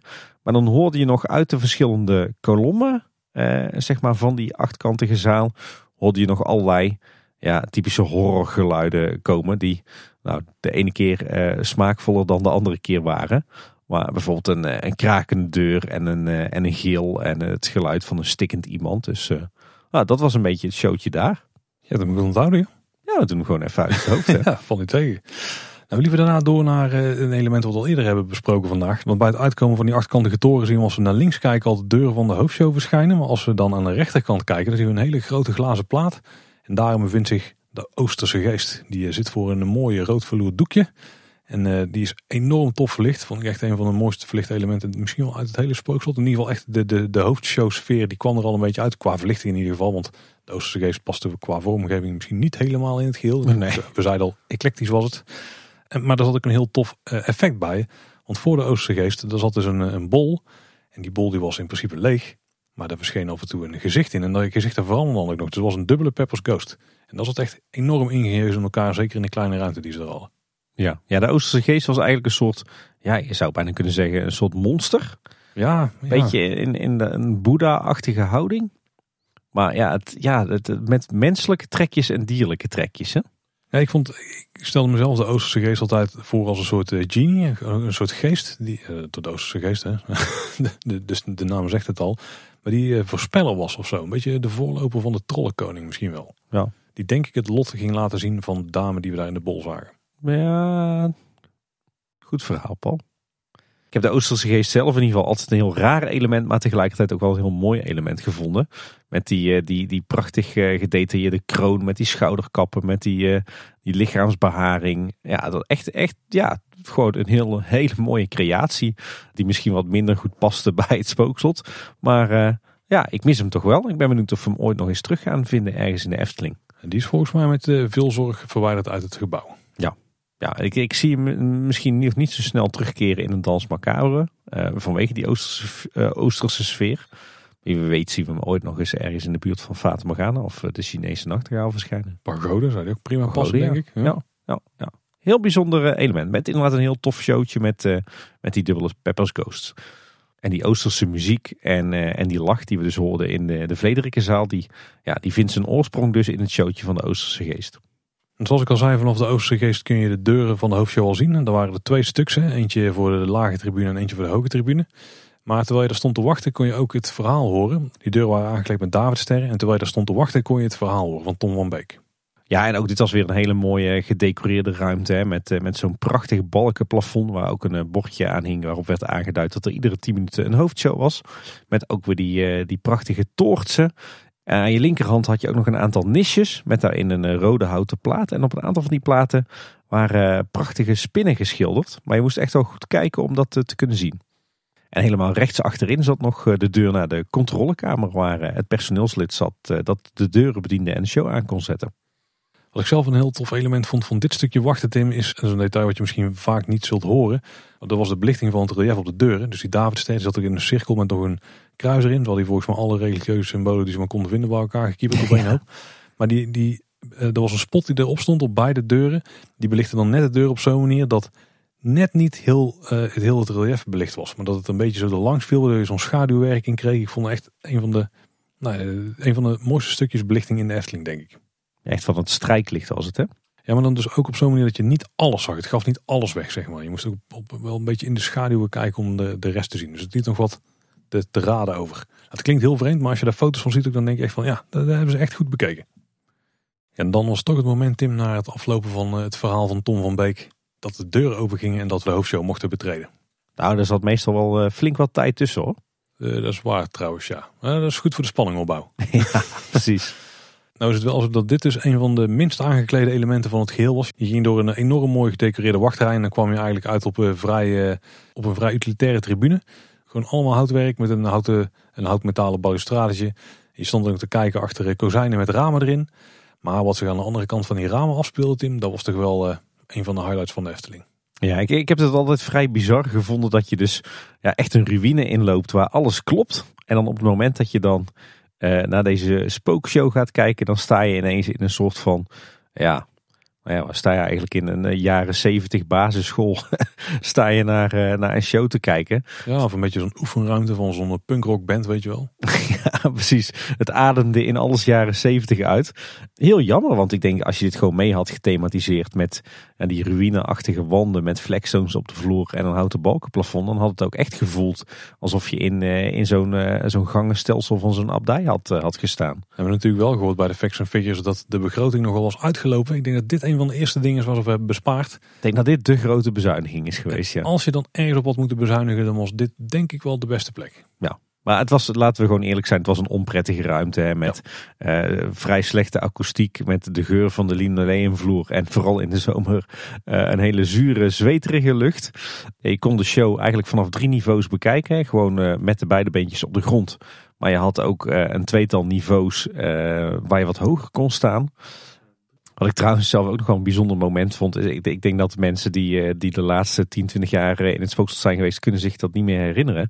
Maar ik weet nog dat toen ik als kind in het spookslot stond, dan was die kijkruimte was volledig donker op het moment dat je die show ging kijken. En volgens mij moet het ergens rond 2001 zijn geweest dat ze ineens allemaal uh, vluchtroute aanduiding bordjes hebben opgehangen in de hoofdshow. Althans, er hingen vroeger wel bordjes, maar die waren dan, stonden dan uit tijdens de show of die waren ja, volgens mij donkerblauw uh, verlicht van achter. Dus daar had je geen last van. En toen uh, ergens begin jaren 2000 werden ineens die standaard vluchtroutebordjes opgehangen. Waardoor die ruimte waar je in stond te kijken ineens fel verlicht was. Uh, en dat was natuurlijk totaal geen succes, want daardoor zag je bijna niks meer van de hoofdshow. Dat hebben ze toen nog wel een beetje proberen te dimmen en hebben ze nog allerlei doekjes voor gehangen. Maar dat is eigenlijk nooit meer zo donker geweest als hoe het origineel was. En als we daar staan Tim op de tribune en de deuren die sluiten en het licht dint, dan begint de hoofdshow. Ja, dan kijken we eigenlijk op uh, de tuin van het slot. Hè? Ja. En voor ons doemt dan uh, een, uh, een verlichte binnentuin van een klooster op. Met allerlei groene en blauwe lampen verlicht. Met af en toe wat warmere kleuren waar wat fakkels of kaarsen branden. En alles is op dat moment nog, nog stil. Ja, en, en wat wel goed is om te beseffen is, we, we kijken dus op een tuin met inderdaad een, een oud vervallen klooster. Maar het leuke is, je ziet niet alleen de begane grond van het klooster, maar er gebeurt ook van alles bovenin. Eh, zeg maar eh, in, het, in het dak. En wat ik zelf altijd heel tof heb gevonden is dat je ook de kelder van dat, eh, dat, die ruïne in kan kijken. Ja, want de vloer is voor een deel ingestort hè? En gelukkig staan daar hele bijzondere balustrades omheen. Oeh, dit men allerlei graven en grafzerken. Ja. Maar op een gegeven moment dan begint de show echt. Ja, en dan het, het eerste wat we zien gebeuren links en rechts in de hoofdshow is dat er een tweetal deuren een beetje beginnen te klapperen onder invloed van de wind. Je hoort dan die windeffecten ook. En verder is de hele hoofdshow eigenlijk nog, uh, nog helemaal donker. Met uitzondering van een aantal uiltjes waarvan de ogen verlicht zijn. En die al met hun, uh, hun koppen draaien. Op een gegeven moment wordt wel de aandacht getrokken door een figuur boven in de scène. Met een vreemde naam, de betoverde kraai. Ik heb nog nooit een kraai gezien die er zo uitziet. En ik hoop er ook nooit in tegen te komen die er zo uitziet. Nee, ook dit is weer ja, echt typisch zo'n duivelsfiguurtje toch? Ja, vreemde naam in ieder geval, maar dit was wel echt de officiële naam. En die, eh, die wordt in het spotlight gezet en die begint op een bel te slaan. En als hij een aantal slagen heeft, eh, heeft gemaakt, dan eh, wordt zijn werk eigenlijk mee overgenomen door een van de meest sinistere figuren in de hoofdshow van het spookslot. Namelijk de tuinman, die door de heks Visculamia is opgehangen aan het klokkenkoord. Ja, en dan zien we eigenlijk, wat best wel gruwelijk is natuurlijk, het lijk van een tuinman in, uh, in een simpel gewaad aan uh, het klokkenkoord hangen en op en neer bungelen. En die maakt dan uh, natuurlijk twaalf slagen. Ook de waterspuwers op het gebouw die komen op dat moment tot leven. Die hebben ook weer een beetje dat cartooneske trekje van Tom van de Venne. Ja. En wat we dan ook gaan zien is nog meer verlichting bovenin. Want ook de drie rechters die worden dan verlicht. Dat zijn die drie figuren die met hun hoofd op en neer schudden. die nog een jas aan hebben van Marie van Heumen volgens mij. Ja, deden me altijd een beetje denken aan uh, de, de, die twee oude mannetjes van de Muppets. Ja, nou, ja inderdaad. Overigens hier wel een heel ingenieus uh, bewegingsmechaniekje. Volgens mij is het namelijk één motortje die uh, alle bewegingen aandrijft. Want ze, ze wiegen die pop een beetje op en neer. Maar daardoor slaan die de, de hoofden van links naar rechts. Maar dat is gewoon met één simpel bewegingje. Klinkt als typische Eftelingse bewegingsmechaniek inderdaad. Ja, van vroeger inderdaad. Ja. Ja, en daarna een, een heel bijzonder moment. Eigenlijk een beetje een, een, een dip in de spanningsboog zou je kunnen zeggen. Want het wordt het, dan wordt het weer wat stiller. En dan, uh, ja, dan, dan zien we in het midden van de spookslotruïne zien we een groepje monniken van links naar rechts uh, glijden of zweven. Ja, want tot nu toe is de muziek die, eh, die we hebben gehoord, die is nog heel erg, niet echt melodieus. Hè? Die, het is meer een soort uitgebreide soundscape. Maar die, die wordt dan een beetje weggedrukt voor het monnikengezang, wat dan ook daarbij te horen is bij die bewegende monniken. En die lopen van links naar rechts door een, gaande rij achter in het decor. Die openen aan het eind van hun wandeling een deur. En die gaat met flink piep en kraken open. Alle monniken die gaan naar binnen. En zodra die deur dicht slaat, Tim, dan horen de eerste klanken van Dans Macabre. Ja, inderdaad. En dan zien we ook de viool verschijnen in de kelder van, het, van de, de slotruïne. de ja, een beetje fluoriserend groene viool, die zweeft in het niets. Die trouwens ook een Peppers Ghost is. Hè? Want je kunt hem vanaf twee plekken zien. Of je ziet eigenlijk twee verschillende projecties van de viool. En eh, die gaat dan eh, op de maat van de muziek eh, de dans macabre spelen. En ja, vanaf dat moment komt eigenlijk de hele slotruïne tot leven. Hè? Dan, dan gaan er ontzettend veel effecten lopen. Zo ja, dan begint ongeveer alles te lopen. Er wordt nog wel een deel van het verhaal uitgebeeld, zeg maar. Maar heel veel van de bekende elementen die, die zien we dan bewegen. Zoals uiteraard die balustrades voorin. Zoals allerlei grafzerken die op en neer gaan wiegen. Eh, er zijn allerlei eh, lijken die uit de doodskisten omhoog komen. Of uit de graven die we, de, die we door op verschillende plekken vinden. Ja, niet, niet zomaar uh, lijken. Hè. Je hebt het natuurlijk linksvoor heb je Esmeralda liggen. Puella Innocenta, zoals op haar, haar grafsteen stond. Latijn voor ja, eigenlijk onschuldig meisje. die komt daar omhoog en rechts achterin in een prachtige houten kist. Daar komt de graaf omhoog en die is al helemaal verteerd tot skelet. Ook zien we allerlei bloemen die bewegen. Mooie knipoog naar het, eh, het originele effect van, van Peter Reiners, hè, die dat ooit bedacht voor de Chinese nachtegaal. En natuurlijk in de catacombe daar zien we de geestenmolen die ja, in werking springt. Want daar zijn twee geestverschijningen die elkaar achterna lijken te zitten. Ja, daar snelt de graaf zijn dochter na, zoals Tom van Beek dat dan zo mooi zei. het, het, zijn er eigenlijk vier, hè? Het zijn eigenlijk vier animatronics. twee keer de graaf en twee keer zijn dochter in ja, lompen gekleed eigenlijk. Ja, en verder zitten er superveel toffe details in. Eh, er zijn ook stukjes eh, eh, van de bosbodem die omhoog en omlaag gaan als een soort blaasbalgen waar dan weer kikkertjes op staan. En er zijn windeffecten waardoor glas, grashalmen op en neer wuiven. er is een, een setje handjes die omhoog en omlaag gaan en met wat trillingen open en dicht gaan. En natuurlijk spelen ook allerlei andere elementen die we al eerder hebben gezien dan mee. Hè. De, de hoofden van de eltjes die gaan op en neer. De waterspuwers die bewegen. De betoverde kraai die beweegt. Eh, de tuinman die gaat op een gegeven moment weer bungelen aan zijn klokkenkort. En zo werken we langzaam naar een eh, climax toe. En die climax die, eh, die draait toch wel rond Visculamia. De heks die vermomd is als een jonge ongebluste maagd. En die zien we verschijnen in het rechterdeel van de hoofdshow. Want die lijkt daar vastgeketen te zijn in een soort eh, martelwerktuig. Uiteindelijk valt het gevaarte daar vlam. Want zou het levend verbrand. Ja, inderdaad. Het is een prachtige Peppers Ghost. We zien haar namelijk uh, ja, langzaam maar zeker verteerd worden door de vlammen. Hè. Heel subtiel, maar ook uh, heel erg mooi gedaan. Aan het eind van de show dan is uh, het martelwerktuig weer helemaal leeg. Ja, en ik moet zeggen, de, de hoofdshow, ik ben er altijd dol verliefd op geweest. Echt prachtig hoe ontzettend veel beweging dat erin zit. hoeveel animatronics dat er stiekem in verwerkt zijn. Maar ook hoeveel detail erin is verwerkt in, in ja, eigenlijk die, die ruïne. Hè. Het is natuurlijk allemaal gemaakt van, van beschilderd piepschuim. Maar ja, eerlijk is eerlijk, als je daar achter glas stond, dan, dan zag je echt niet dat dit piepschuim was.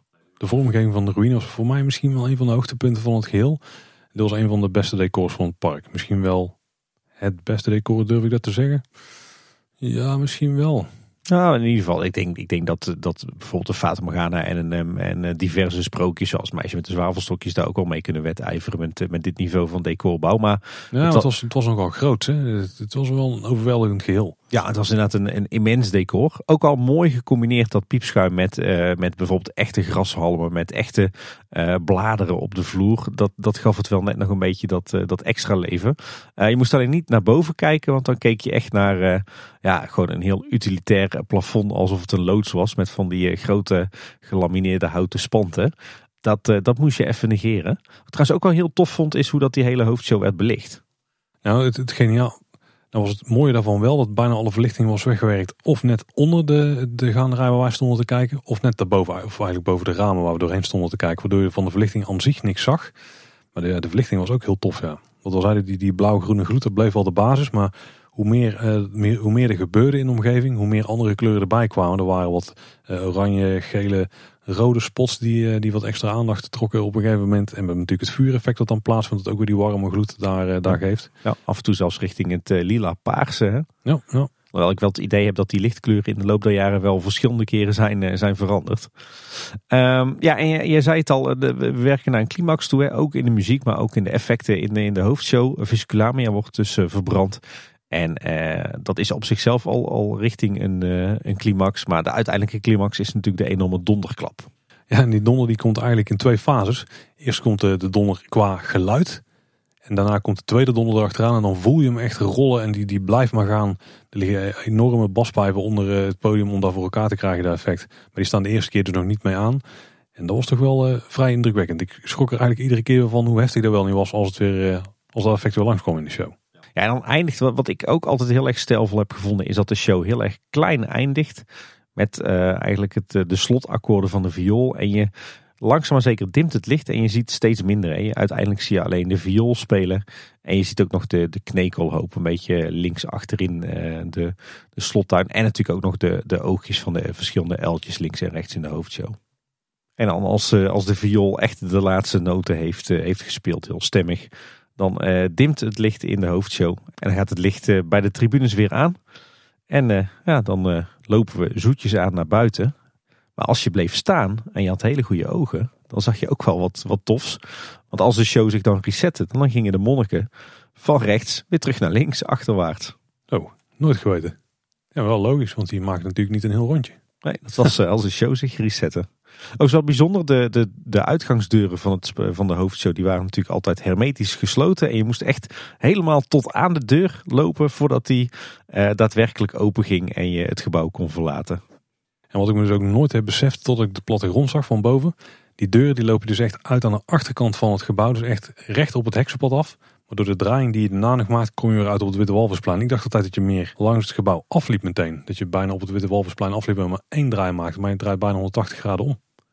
Oh, ze hadden het er net over dat er drie kijkniveaus waren hè, in die, eh, die tribuneruimte zeg maar, bij de hoofdshow. En, maar achter de, uh, zeg maar de hoogste tribune daar zat nog een, uh, ja, een soort van gangpad waar het met name het personeel gebruik van kon maken. Dan kon je zeg maar, achter de tribunes langslopen. En er zaten ook een groot aantal nooduitgangen aan vast. En daarmee kwam je eigenlijk zeg maar, achter de schermen in een hele grote ruimte met allerlei, allerlei trappen. die volgens mij, als ik het goed zeg, uitkwamen op de tunnel. Daar zal moeten, ja. Ik zou niet weten waar andere deuren zitten nog aan die kant van het gebouw. Want misschien is dit moment om even te, te bespreken hoe het gebouw dan in elkaar zat. Hoe moeilijk dit ook gaat zijn in de podcast, maar we gaan ons best doen. Misschien moet je gewoon verwijzen naar het paginanummer in het spookselboek. Het is pagina nummer 24, maar ik denk dat die ook wel online rondzweeft, dit, dit plattegrondje. Want het is een mooi plattegrond. We positioneren ons even voor de ingang van het spookslot. Dan hebben we rechts hebben we de tunnel die naar het Witte Walvisplein gaat. Links hebben we de entree. Als je nou door die tunnel gaat en je staat dan in de tunnel, dan zit links van je zit gewoon de tribune. Die tribune loopt in een bocht, zeg maar. En echt de, de bolle kant daarvan die ligt dus daar vrij dicht tegenaan. Wel wat hoger, want als je daar eh, het gebouw in zou lopen, zou je onder de tribune staan. Eh, dus, en als we dan weer terug gaan naar, naar de entree van het gebouw, dan uh, lopen we daar naar binnen. Dan lopen we eigenlijk rechtdoor, eerste stukje. Dan lopen we dus een klein stukje onder de tribune door, maar dan buigen we meteen 180 graden de bocht om. Dan lopen we dus eigenlijk weer terug in de richting waar we vandaan kwamen. Dat is ook de hoek waar die nis zit met die schedels. Die zit dus eigenlijk bijna naast de entree. Dan, eh, dan draaien we daar naar, naar rechts. Dan lopen we richting die achtkantige toren. Die zit dus ten opzichte van de entree helemaal links van je. Daar maken we weer een draai van 180 graden. Dan lopen we eigenlijk weer richting de entree. Maar dan buigen we links af richting de tribune.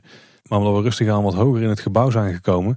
lopen we daar weer over de tunnel heen... waar de jammerende man onder zit en die vitrine weer met die schedels. En zo komen we uit boven de tribune. Want het zit eigenlijk heel ingenieus in elkaar. En doordat ze werken met die verschillende hoogtes. Nou, je kunt in een vrij kleine oppervlakte kun je natuurlijk best wel veel wachtruimte verstoppen met enorm veel attractieve waarden. Ja. Heel, eh, heel, heel slim in elkaar eh, gestoken. Zo heb ik bijvoorbeeld ook nooit geweten dat, eh, dat de controlekamer dat die een raampje heeft. En dat dat raampje dus in de voorgevel zit van het, van het spookslot. Oh, ja. Wat ik me ook nog nooit echt bewust heb beseft is dat de toiletten er dus bijvoorbeeld ook onder de tribune doorliepen. Met name het damestoilet. Vandaar dat je daar die donder dus zo goed kan horen. Ja, dat is eigenlijk wel heel logisch, want je zit dan vrij dichtbij. ja. Hey Tim, ik denk dat we de, de show wel uh, genoeg hebben geanalyseerd. Zullen we eens gaan kijken naar wat we zelf vonden van het spookslot en wat het heeft betekend voor ons al die jaren. Ja, ja, mocht je er nou trouwens beeld bij willen hebben en je, je hebt echt niet genoeg aan onze omschrijvingen, check dan natuurlijk het, uh, het lemma over het spookslot op, uh, op Eftepedia. Je vindt natuurlijk ook op het YouTube-account van de Efteling inmiddels aardig wat videoregistraties van het spookslot. En die van Chris van der Zonne wil ik ook nog wel tippen. De 8K videoregistratie. Die het spookslot echt tot in detail vastlegt. In ieder geval de hoofdshow. En maar de Efteling zelf heeft inderdaad een mooie video waarbij het hele gebied eromheen en ook de wachtrij wordt getoond. En ook Eftel Wesley heeft verschillende video's die alles tot in detail vastleggen. We zullen het een en het ander ook eh, opnemen in onze show notes. En één ding is zeker, ehm, het, spookslot is absoluut bijzonder goed eh, vastgelegd voordat het eh, verdwenen is. Dat, dat kunnen we zeker niet ontkennen. Wat trouwens ook nog tof is, is dat in het spookslot artikel op Eftepedia dat er ook gigantisch veel foto's van het spookslot achter de schermen staan.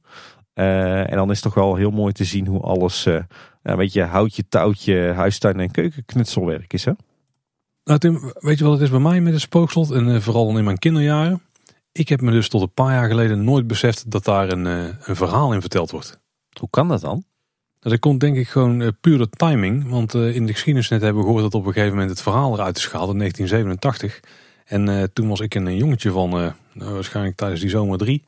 En in de loop van het jaar ben ik vier geworden. Een jongetje van drie, dus toen ging ik niet in het spookslot. dat gebeurde pas een paar jaar later. Maar de eerste keer dat ik in het spookslot ging, en vooral de jaren dat ik heel vaak in het spookslot ging, dat, dat waren namelijk uh, begin jaren 90 denk ik. Toen was heel die, die vertelling er niet. En in 2001 is hij teruggekomen. Ja, dat waren een beetje de, de Efteling nieuwe jaren voor mij, zeg maar. Dan kwam ik er wel één of twee keer per jaar of zo, maar niet met de fanatieke blik die ik tegenwoordig heb of die ik daarvoor had. En toen kwam ik niet heel vaak in een spookslot. Uh, want dat is misschien niet echt een verrassing voor iedereen die onze nieuwsaflevering heeft gehoord. Maar het Spookslot is toch wel een beetje die, niet de vergeetattractie. Maar ondanks alles wat voor de Efteling heeft betekend en ondanks de indrukken die, je, die aan de binnenkant vindt. Is het toch niet de attractie waar je iedere bezoekje heen ging. Zeker niet met de, jonge, met de hele jonge kinderen. Dus ik heb het eigenlijk pas de laatste jaren echt weer meegekregen. Die, die paar keer dat ik erin ben gegaan uh, waarbij ik ook toevallig op het moment binnenkwam dat de show net was begonnen. dat ik ook heel lang stond in die ruimte ervoor. Want als je twee minuten voor de, voor de hoofdshow aankwam, ja, dan, ging de, dan was er niks meer te horen. Nee. Uh, ging de deur open, kon je naar binnen. Dus toen heb ik het waarschijnlijk die paar keer dat ik er wel ben geweest gewoon gemist. Maar toen heb ik pas die, uh, die show echt voor het eerst in het, in het gebouw zelf gehoord. Maar eigenlijk heb jij het spook, spookslot dus pas leren waarderen toen wij een kleine boodschap maakten dan. Nee, ik vond het als kind vond ik dit wel, uh, wel een heel indrukwekkende show. En volgens mij kan ik me nog wel herinneren hoe ik, dat, hoe ik daar voelde. Vond ik het ook echt wel heel spannend. Ook omdat die sfeer nog steeds wel gewoon zo werkt, zeg maar. Van als je binnenkomt in die de hele donkere tunnel en zo. Was echt wel een uh, uitdagende attractie om in te gaan. Maar op een gegeven moment ken je natuurlijk op je duimpje. En dan, uh, dan ga je gewoon naar de details kijken en een beetje naar, van de show genieten, zeg maar. Op, op misschien andere manier. Dan ga ik meer naar de verlichting kijken en het opbouwen en zo. En dan sta je er gewoon te genieten van de muziek. Uh, dus daar heb ik echt wel gehad in, uh, in mijn jeugdjaren. Uh, maar op een gegeven moment ja, dan, dan ga je ook meer richting de achtbanen en zo kijken. Dat was de aanbod in die tijd nog niet heel spectaculair met alleen de Python en Pegasus. En later Vogelrok. Volgens mij het jaar na Vogelrok, dus 99, is denk ik het laatste jaar geweest dat ik heel vaak in de Efteling kwam. Ik nog een abonnement heb. En toen heb ik echt 15 jaar geen abonnement meer gehad, denk ik. Of 12 jaar of zo. Nou, in ieder geval een hele tijd niet. En ik denk dat toen ik weer terugkwam in de Efteling, vaak, dat ik toen niet heel vaak in het spookslot ging. Denk dat er echt die dagen waren dat we gewoon met een groter gezelschap waren of zo. En dat we zoveel mogelijk dingen wilden aftikken. Eh, of dat het misschien een dag was met slecht weer en dat we dachten, nou, doen een spookslot ook nog even, weet je wel. Ik kan wel zeggen dat voordat we wisten dat hij ging sluiten, dat ik er niet heel vaak kwam. Ik denk misschien één keer in de twee, drie jaar of zo. Zo, dat is weinig. Maar dat neemt niet weg dat ik het niet kan waarderen wat erin zit. Alleen, ja, ik weet niet. Met, met alle nieuwe uh, manieren van vermaak die ook in het park waren, die, uh, ja, die trokken me dan toch meer de dagen dat ik er was, denk ik. Wel. Hoe zat het op jou, Tim, toen jij uh, kind was. Want jij bent dus echt vanaf begin jaren 90 heel, van die heel vaak in de Efteling gekomen met jouw opa. Was jouw opa bijvoorbeeld uh, liefhebber van spookslot? Ik kan me bijna niet voorstellen dat hij dat uh, niet was. Absoluut. Nou ja, ik, toevallig was ik laatst met iemand over aan het filosoferen. En eigenlijk al pratende kwamen we erachter dat mijn opa eigenlijk misschien zelf al een enorme Efteling liefhebber was. Uh, zonder dat hij het zelf echt toegaf. En dat hij het mij dus echt met de paplepel heeft, uh, heeft ingegoten. Nou, we weten waar, uh, ons dat, waar me dat uiteindelijk heeft gebracht. Maar nee, die was wel echt een, een, een liefhebber van het spookslot. Nou was ik natuurlijk vijf toen ik mijn eerste abonnement kreeg. En ik weet wel dat we die eerste paar jaren heel braaf niet in het spookslot gingen. Hè? Want ja, je moest natuurlijk acht zijn voor het spookslot. Alleen op het laatst was hij en waren wij wel zo recalcitrant dat we toch stiekem maar in het spookslot gingen. Ook al was ik pas zeven jaar oud. En ja, sindsdien eh, ben ik samen met mijn opa inderdaad eh, in mijn kinderjaren er eh, heel vaak in geweest. wij deden eigenlijk ieder bezoek begonnen we in wat toen nog het Westerpark was. En daarna dan gingen we of naar het, het Noorderpark, of naar het Oosterpark, of naar het Zuiderpark. Nou ja, je snapt het. Reisrijk, Ruigrijk, Anderrijk. Dus ja, je zou kunnen zeggen één keer in de drie bezoekjes dan gingen wij richting Anderrijk. En dan bezochten we Morgana en uh, Spookslot toch eigenlijk altijd wel. Dus ik ben als kind al heel vaak in het Spookslot geweest. Hoe ervaarde jij het Spookslot in als kind? Kan je er nog iets van herinneren? Ja, ik, ik heb niet de indruk dat toen ik er voor het eerst inging dat ik het nog echt eng vond of zo. Ik heb het eigenlijk vooral altijd heel erg mooi gevonden. Gewoon, gewoon een mooie ervaring om daar te staan en om die show te bewonderen. Ik weet wel dat ik eigenlijk als kind al wel uh, de show gewoon van, van begin tot eind heel aandachtig bekeek. En mijn opa was ook echt wel zo'n type die me dan op alle details wees. En ieder, ieder bezoekje dan toch weer net op een andere plek ging staan. Dus ja, het is me eigenlijk ook wel met, met de paplepel ingegoten om uh, daar gewoon in, in stilte te staan en te kijken en te genieten. Oké. Okay. Je voelde niet die, uh, die spanning uh, als je daar binnen liep? Dat je kan herinneren in ieder geval? Nee. Nee, ik, ik geloof dat ik als kleinkind dat een beetje had met Fata Morgana en een beetje met Draaklicht geraakt. En ja, nee, dat spookslot heb ik nooit echt heel erg eng gevonden. Oh, nog niet meer spookslot? Nee, oh. Nee. Ja, ergens zo, zo omstreeks het jaar 2000 kwam ik als tiener uh, voor het eerst echt in aanraking met de Efteling fanzine. En toen heb ik eigenlijk ja, jarenlang met grote groepen van, uh, van vrienden en Efteling fans uh, weekenden en vakanties lang de Efteling doorkruist. En wij gingen ook best wel vaak toch in het spookslot. Ondanks dat je zou zeggen van nou wat, wat heb je als tiener of twintiger in het spookslot te zoeken. Nou ja, wij, wij beschouwden onszelf wel allemaal als diehard Efteling liefhebbers. En het spookslot hoorde er toen wel echt bij als een van de klassiekers, hè, net als de Fata Morgana. Dus ja, eigenlijk altijd wel heel vaak in het spookslot blijven gaan, denk ik. Uh, ten opzichte van, van veel anderen. Ik weet ook dat het spookslot altijd een prima plek was om in de zomer even af te koelen. En ook altijd een favoriete plek om op zomeravonden, als het donker was, toch ook even naar binnen te gaan. Want dan zag je altijd net wat meer, omdat je ogen natuurlijk al gewend waren aan het, aan het donker. Ook altijd een hele mooie, mooie plek gevonden. Ja, ja, eigenlijk gewoon altijd ontzettend van genoten van die show. Gewoon, uh, ja, wat ik zeg, echt lekker in, uh, in stilte kijken. Ik heb ook altijd enorm gestoord aan anderen uh, die daar een hoop lawaai stonden te maken tijdens de hoofdshow. Ook wel eens aan mijn eigen gezelschap. Ja, ik heb, ik heb altijd zoiets gehad van spookslot is gewoon goede plek uitzoeken, staan, mondje dicht en kijken en genieten. Jij bent echt een spookslot purist. Ja, ja, zo kan je me wel, wel betitelen, denk ik, ja. ja. En sinds dat de kinderen er zijn, ja, wisselend. Ik weet niet hoe dat bij jouw kinderen zit, maar bij, mijn kinderen uh, merk ik dat met, met een spookslot, met een Fata Morgana, met een Symbolica, met een Villa Volta, dat het uh, af en toe op en af is. Uh, ze hebben zo'n leeftijd als ze heel jong zijn, dan, dan vinden ze dat soort attracties super tof. En dan komt er zo'n moment dat ze dan oud genoeg zijn om te beseffen wat ze zien en dan vinden ze het eng. En dat moment, eh, daar zijn ze dan op een gegeven moment ook weer overheen. En ik, op dit moment zit ik in de, de luxe positie dat ze uh, vier en zes zijn en eigenlijk niks meer eng vinden in de Efteling. Maar ja, dat betekent dat het, het spookslot op en af is geweest. Dus er zijn uh, momenten geweest dat, dat ik er niet met de kinderen in kon. Of alleen met de oudste of alleen met de jongste. En gelukkig in het laatste openingsjaar in 2022 durfden ze er alle twee in. Dus uh, ik ben er verschillende keren nog met beide kinderen in geweest. En uh, ja, wij hebben ook een uh, ontzettend toffe afscheidsweek gehad. Waarbij we nou, echt nog met z'n viertjes een laatste keer spookslot hebben gedaan. En nou ja, voor het spookslot ook nog de geëikte foto hebben kunnen maken in die speciale lijst. Dus dat is toch wel een dierbare herinnering. En ja, dat voelt dan toch goed hè. Even dat, dat, dat speciale gevoel doorgeven aan je kinderen. Ik denk dat ik daar wel heb gefaald in de opvoeding, Tim. Ja? Onze kinderen zijn dus nooit in spookslot geweest. En die kans krijgen ze ook nooit meer. Nee. Oh. Ja, we zijn er wel in geweest. Maar niet veel verder dan de jammerende man. En uh, toen uh, jammerden ze naar buiten. Zeg maar. ja, nou, die momenten heb ik ook wel gehad hoor. Uh, maar goed, gelukkig dat ze in het laatste jaar dat ze er allebei wel in durfden. Ik heb dat trouwens ook wel met, met, met de Bob. Ik weet dat ik met mijn, mijn oudste dochter nog best wel vaak in de Bob ben geweest. En dat ze die fantastisch vond. Maar mijn jongste dochter was, uh, heeft, heeft dat niet meer meegekregen. Ja, geluk heb ik dan wel. Daar zijn ze echt heel vaak in geweest. Grappig hoe dat, hoe dat toch wisselt, hè? Nou, wat jij omschrijft met Vader Morgana, dat hebben we wel precies gehad. Ik bedoel, sinds dat ze baby zijn, kom ik, uh, kwam ik wekelijks met ze in het park. En dan was het gewoon iedere keer een Vader Morgana. Want gerelaxed attractie, lekker even zitten. Met hun makkelijk. Maar ja, er waren dan kleine babytjes, die hadden niet zoveel te kiezen. Die zaten gewoon in de armen bij papa. Maar als ze dan ouder worden, dan op een gegeven moment wil ze er even niet in. Ben ik wel eens met een jankend kind uitgestapt. Voordat, voordat we de jungle in gingen. Maar nu is het weer een favorietje. Dus uh, ja, dat wisselt inderdaad heel erg. Die, eh, die golvende beweging, die herken ik wel. En als je het dan twee hebt, dan komt het net na elkaar. En dan heb je momenten dat je er ook niet in kunt. En momenten dat je er wel in kunt. Zonder problemen.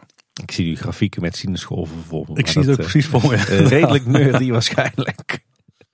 Ja, nou ja, even samenvattend Paul. Wat, wat betekent het spookslot dan voor jou? Ja, dat vind ik dus een lastige. Want ik, ik besef welke historische waarde eraan zit. En welke, um, ja, hoe, hoe, belangrijk het is geweest voor het park zeg maar, in de historie. Uh, dus wat voor, wat voor belangrijk moment in de historie van het park altijd is geweest. Ik ben hem opgegroeid, ja, het spooksel stond er altijd. Dus het was er gewoon altijd. En, en het was voor mij niet meer belangrijk dan een Python of zo bijvoorbeeld. Die er ook al stond toen ik voor het eerst bewust in het park kwam. Of Fata Morgana of Carnaval Festival. Of nou, noem alle grote jaren 80 attracties. Die zijn opgebouwd in de tijd dat ik er was. Of die waren er al. In ieder geval van het moment dat ik me het bewust kon herinneren. Stond ik er allemaal al. Dus wat dat betreft hoorde ik er gewoon bij in dat rijtje. En heb ik die historie nooit echt goed beseft. Dus tot, ja, nou ja laten we het een jaar of tien eh, geleden noemen. Ik denk dat ik daardoor wel beter ben gaan waarderen. Dus dat, is ook de reden dat ik al die tijd niet in ben geweest. En dat is wel de reden dat ik me er af en toe nog uh, in bevond. En als je dan ingaat, ja, dan besef je wel hoe het in elkaar steekt. En ook hoe veel geluk we eigenlijk hebben gehad met zo'n vrij vooruitstrevende wachtrij. Want nogmaals, een van de mooiste van het park. En dan ook nog een hoofdshow die qua decor een van de meest omvangrijke en daarmee indrukwekkendste van het park was. Ja, die show was wel een beetje, uh, nou ja, houd je touwtje, letterlijk. Ja. En, maar, en zo kwam het ook over, wat dan ook wel eens eigen charme had. Ik denk dat al met al dat het gewoon wel een, ja, het was wel een charmante attractie van een uh, belachelijk hoog ambitieniveau. Zeker voor de Efteling in die tijd, zeker in de tijd waarin het gebouwd is. Die gewoon enorm goed is uitgevoerd op heel veel punten. Maar die het uiteindelijk heeft afgelegd omdat het allemaal net iets te statisch is voor ja, de moderne parkbezoeker. En dat daarom denk ik ook de wil om erin te blijven investeren bij de Efteling gewoon uh, weg was. Want ja, als je jarenlang gewoon op een goed niveau onderhoud had gepleegd, ook aan het gebouw en zo, misschien had dat wel een deels herbouw moeten betekenen op een gegeven moment. Dan had het kunnen blijven. Alleen denk als je kijkt naar het huidige attractieaanbod, uh, dat het gewoon ja, niet meer echt mee kon. En dat ook de reden is dat ik er niet zo regelmatig in ging als dat het slot misschien wel had verdiend.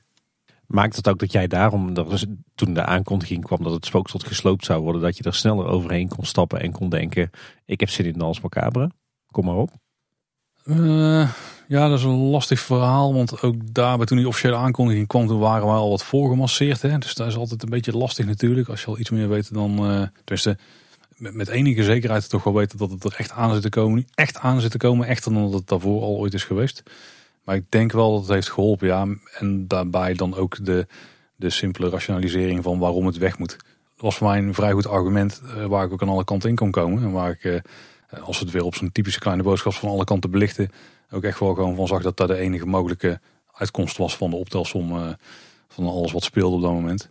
Dus ik, ik, denk dat het die combinatie was, ja. Dat het gewoon dat gewoon de situatie was op dat moment. De opties die er lagen op dat moment. En het feit dat het, ja, dat het nog steeds wel mooi was en nog, steeds zo charmant als altijd. Maar dat het niet echt meer mee kon in het huidige attractiegeweld. Ja. Ja, ik moet zeggen, voor mij heeft het spookslot eigenlijk altijd wel een soort van A-status gehad. Eigenlijk vanaf van, van kinderjaren tot, uh, tot vorig jaar toe.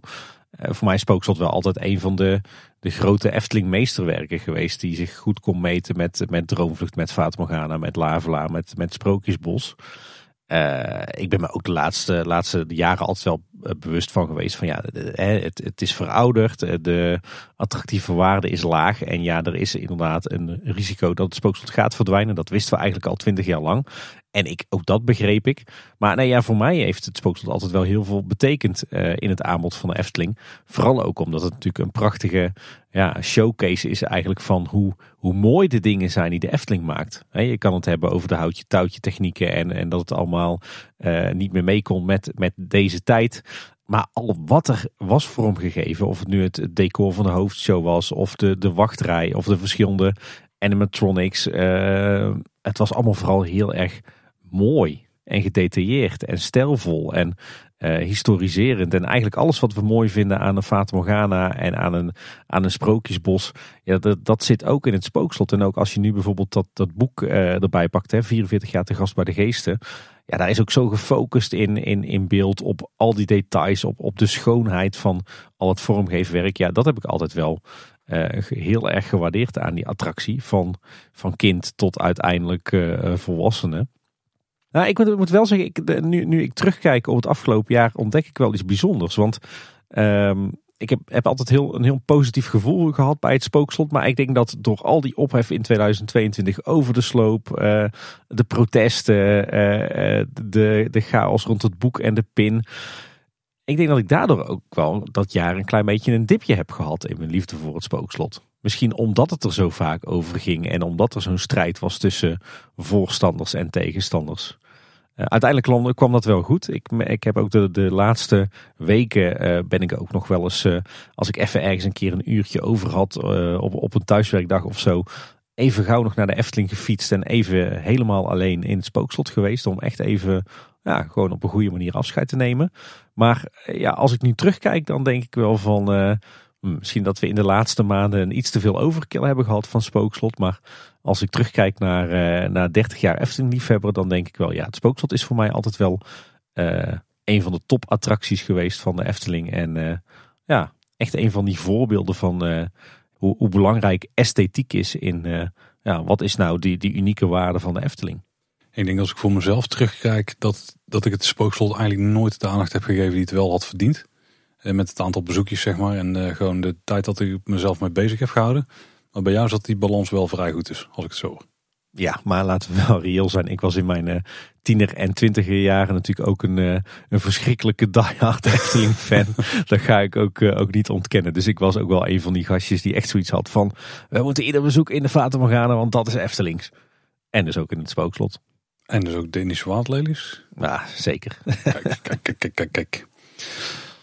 Dat zal er geen verrassing zijn voor eh, niemand van onze luisteraars, denk ik. Nee, ik denk het ook niet. ik denk het ook niet. Ik denk Tim dat in eh, onze ode aan het spookslot dit een mooi moment is om eens even terug te gaan kijken naar een paar van onze favoriete details of elementen uit het spookslot. Heb jij er zo een paar die jij echt wel even wil noemen? Nog, wat, nog wat extra in de spotlight wil zetten? Ja, nou ja, wat ik al eerder zei, hè, een van de mooiste plekjes eh, in het spookslot en misschien wel in de Efteling is toch wel die, uh, de ronde zaal of de achtkantige zaal of de Vlederike zaal zoals die bij mij in mijn, mijn hoofd nog steeds heet. Dat vind ik, vond ik echt een van de mooiste plekjes in het spookslot.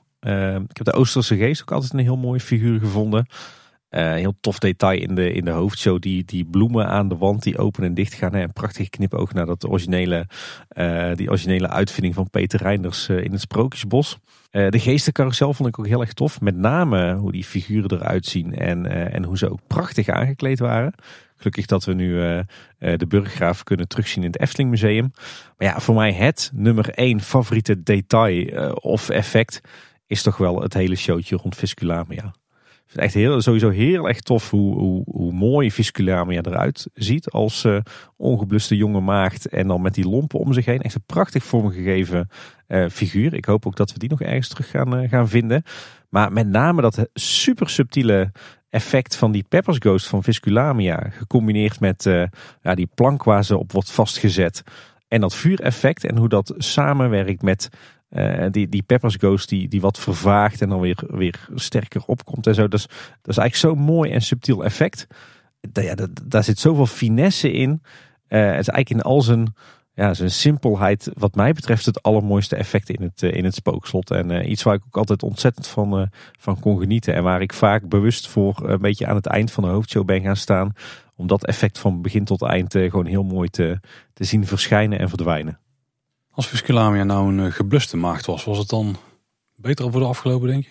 Ja, dan was ze eigenlijk gewoon heel erg, uh, heel erg vroom dus. Heel erg van de goede zeden. Nou ja, dan was ze niet in brand gevlogen, want was ze geblust terwijl ze daar... Is dat jouw vertaling van ongeblust? letterlijk wel, toch? Ja, ja, ja, dat is ook weer zo, ja. hey, en bij jou, Paul, wat zijn jouw favoriete elementen in het uh, spookslot geweest? Uh, ja, misschien heel cheesy, maar die wiegende graven. Maar dat is vooral omdat die voor mij echt, uh, echt het spookslot symboliseren. Met die ja, bijna het houtje touwtje waar we het net over hadden. Echt het krakkemikkig bijna heen en weer bewegen. Maar daardoor een beetje ongecontroleerd of, of toch wel het spookachtig zeg maar. Is dat ook dat, dat professioneel, uh, professioneel hobbyisme wat we ook uh, zien heel erg terugzagen in de, de documentaire over de bouw van de Fata Morgana? Ik denk dat dat misschien wel uh, de beste uiting daarvan is. Ja. Ik denk ja. dat het symboliseert voor mij inderdaad gewoon de techniek erachter en hoe die mensen het hebben aangepakt. En dat het op zo'n, ja het is bijna een beetje knullig weet je wel, maar, maar daardoor pakt het Pronkelijk Express zo goed uit. Ja, eh, heb jij het nou wel eens een, professioneel carnavalswagens bouwen genoemd? Ja, ja, ja. Dat is ook letterlijk waar ik net in mijn hoofd weer aan dacht. Want ik heb zelf ook wel wat carnavalswagens gebouwd. En die waren ook, uh, qua techniek ging die zeker niet, niet zo ver als dit. Alleen die moest ook rijden. Maar hier, hier staat het gewoon stil. En dan kun je het gewoon allemaal met hout doen en zo. Bij ons was het veel metaal en dat soort dingen. Net iets degelijker als het allemaal gaat rammelen. Maar het is gewoon grappig hoe die technieken gewoon al die jaren het hebben volgehouden. Ja. Ja, ja is trouwens wel goed om te vermelden, maar op het moment van opname van deze aflevering is de documentaire van de vijf zintuigen over het spookslot is, is, is nog niet klaar. Dus we weten nog niet wat daar allemaal in getoond gaat worden natuurlijk. Wordt ook vast een dikke tip mocht hij er al wel zijn. Dus dan komt hij in de show notes erbij. Zet hem gewoon erbij. Ja. Um, een ander, um, ja, het is niet echt een detail, maar een ander mooi element vond ik het voorplein gewoon. Het totale voorplein. Je omschreef het al mooi in een van de eerdere hoofdstukken in deze aflevering. Maar vooral eh, met het bladerdekken, je weet dat ik daar nogal fan van ben. Ja, zeker. En dan zeker in het donker met die verlichting en eh, met die, met die klimop die erop groeit. En dan die, um, die heuvel die er aan de linkerkant zo ja, tegenaan lag, tegen het slot. Echt een van de, de meest veelvolle plekjes in het park, denk ik. Die kon ik erg waarderen. Die, um, Jij het bladerdek, ik de Flexstones. Perfecte combi van onze, onze liefhebberij daar. ja precies checkt alle boxes voor ons. In de show zelf, die donderslag vond ik toch wel echt heel vet. Oh ja. Um, en dan vooral dus die tweede doordreunende donder die er dan altijd uh, in kwam. Die, die lange roffel die je onder je voeten plaatsvond en die je echt in heel je lijf voelde. Uh, maar ik denk dat wat mij betreft um, het echt het allervetste in, in het hele spookslot was. En misschien verbaast het je niet als je het hoort, dat waren de monniken. En hoe die zich bewogen over die gang daar. De manier hoe daar die wandelbeweging in zat. En hoe hoe echt dat leek. En met de, ja, ook hier weer de houtje, houtje touwtje, letterlijk de houtje touwtje techniek waarmee dit is gemaakt. Uh, echt enorm bijzonder. En dan met name dat stapje terug wat ze uh, doen voordat ze de deur ingaan. Ook hoe gewoon het hele samenspel met die deur, hoe die open en dicht klopt. Ja, ik heb me al honderd keer uh, beseft dat de snelheid waarmee ze door de deur lopen. ze gaan heel snel door de deur heen ten opzichte van de rest van het wandelingetje wat ze daar afleggen, zeg maar. Maar dat kan ik allemaal prima door de vingers zien als ik gewoon ten eerste ernaar kijk en iedere keer gewoon weer er bijna in geloof dat daar echt mensen iedere keer lopen. En maar dan dat ik me ook besef hoe dat met techniek allemaal in elkaar steekt. En dat het dan uh, zo'n overtuigend effect is. Dat vind ik echt zo. Vond ik echt zo. Ik moet er nog steeds aan wennen. Tof aan het spookslot. Dat is gewoon visueel heel krachtig. Hè? Ook met die mooie diepblauwe paarse uh, gloed in die, uh, die kloostergang. En dan die monniken die eigenlijk niet meer zijn dan die witte gewaden en de kaarsjes die zo langzaam maar zeker voorbij zweven. Ja, prachtig. Maar ook die schaduwen die dan uh, aan het einde ziet als ze door de deur ingaan en zo. Ja, echt heel vet. Ja. Wist je trouwens dat, dat die monniken gewoon ophingen aan ongeïsoleerde elektriciteitsdraden? Dat weet ik, want die draden die voeden de, de kaarslichtjes. Ook niet meer helemaal van deze tijd, denk ik. Nee, was ik gewoon 230 volgens mij wat daar overheen. Het spookslot heeft 44 jaar in Efteling gestaan. En wij hebben er nu een, een podcastaflevering over gemaakt die uh, toch uh, langzaamaan richting de twee uur kruipt. In ieder geval zeker op onze opnameklokketje, maar er zal nog wel lang geknipt worden. We hebben al veel langs laten komen van verhalen. Maar ja, met 44 jaar historie kan het niet anders dan dat er een hoop uh, mooie anekdotes rondom het spookslot uh, rondzwerven, rondzweven, rondspoken. Ja. Een aantal daarvan die heb je al kunnen horen in onze, onze podcast natuurlijk. Want we hebben interviews gedaan met onder andere Mari en met Koos. En uh, die hebben al wat dingen gedeeld die ze achter de schermen hebben meegemaakt. Maar bijvoorbeeld ook uh, Tom Merks, die is gestart in de kelders van Spookslot met zijn carrière. Ook daar heeft hij uitgebreid over gepraat. En Mari heeft de, de anekdote gedeeld van de burggraaf die, die die stiekem heeft geplaatst in in de tombe. Die, dus, ehm, die de deksel daarvan afschuift en omhoog komt. En zo zijn er nog veel meer mooie verhalen. Ja, en ik kan me alleen maar voorstellen dat als de Vijf Zintuigen documentaire uitkomt, dat er nog veel meer zijn. Dus ja, wil je allemaal horen, je zult er zelf naar op zoek moeten. Het is nogal lastig om die te verzamelen. En we zien er waarschijnlijk een hoop over het hoofd als we ze hier nu gaan proberen op te sommen. Maar rondom het spookslot bestaan in ieder geval enorm veel mooie verhalen. Die je overal in eh, de Efteling community kunt, eh, kunt vinden. Ja, die gelukkig eh, heel goed zijn vastgelegd in eh, een aantal prachtige YouTube filmpjes eh, in het Spookslotboek natuurlijk. En ja, binnenkort dan ook in de Spookslotdocu. Ja. Tijd om af te ronden Tim. En dan moeten we denk ik eerst eens even terug gaan kijken naar hoe het nu voelt enkele maanden na sluiting. Ja. ja, hoe is dat bij jou dan Paul? Ik ben wel benieuwd eigenlijk. Bij mij laat het zich misschien wel raden, maar ik ben vooral benieuwd hoe voelt het nu bij jou? Nou, ik stond er altijd wel vrij nuchter in. Hebben we net al even kort over gehad. En uh, rondom de sluiting van het spookslot, ja, dan, dan voel je natuurlijk wel al die, uh, alles wat er rondomheen gebeurt. Maar ik vond het toen ook wel goed. En ik denk dat als ik nu zelf terugkijk naar die sluiting en naar de, de periode die dicht is. Ja, dan mis ik het. Mis ik het? Nou ja, denk ik niet echt. We hebben nu zoveel manieren om nog, uh, toch nog het spookslot een beetje te kunnen ervaren.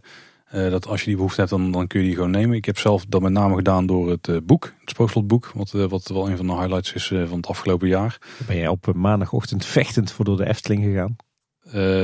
nee, ik ben later die middag naar de Efteling gegaan en heb toen letterlijk in het park het in de webshop besteld voor Wat ik vooral nu merk na, na al die maanden dat het spookslot dicht is en dat dus het hele terrein daar is omgetoverd tot een bouwterrein. Dus hoe belangrijk die locatie wel niet was voor de looproutes door het park.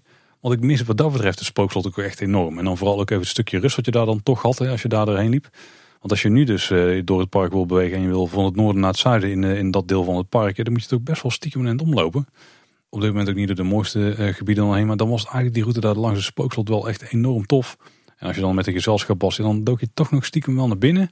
Wat dat betreft mis ik het wel, ja. Maar het is niet dat ik er naar smacht dat, het weer, dat ik het weer kan ervaren. nee. Hoe zit dat bij jou, Tim? Want we konden het wel raden blijven, Maar ik twijfel hoor, want ik, ik, weet, ik weet eigenlijk niet hoe iedereen staat op dit moment. Ja, ik zit er weer ouderwets dubbel in eigenlijk. Ah, classic, classic. Kijk, eh, puur rationeel, eh, eh, nog steeds, ik, snap, ik snap heel goed dat, dat dit uiteindelijk het lot is geworden van het spookslot. Het, het kon gewoon echt niet meer. Ik snap die kosten-batenanalyse. Ik snap dat je zegt, als je het spookslot wil behouden voor de toekomst, dan moet je er zo ontzettend veel geld in steken. Ehm, nou, dat is het dan niet waard, want ja, voor dat geld kan je ook een nieuwe attractie bouwen met een veel hogere attractieve waarde. Dus ik snap heel goed dat het spookslot uiteindelijk is moeten verdwijnen. Uh, ik ben blij dat we het uh, eh, 20 jaar hebben kunnen rekken. Want wat ik zeg, in 2001 waren er echt wel concrete plannen om het spooksel toen al te slopen.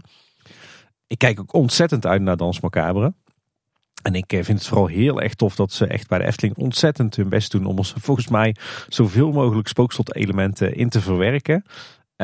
Dus ik kan niet wachten tot, tot we meer over die attractie te weten gaan komen.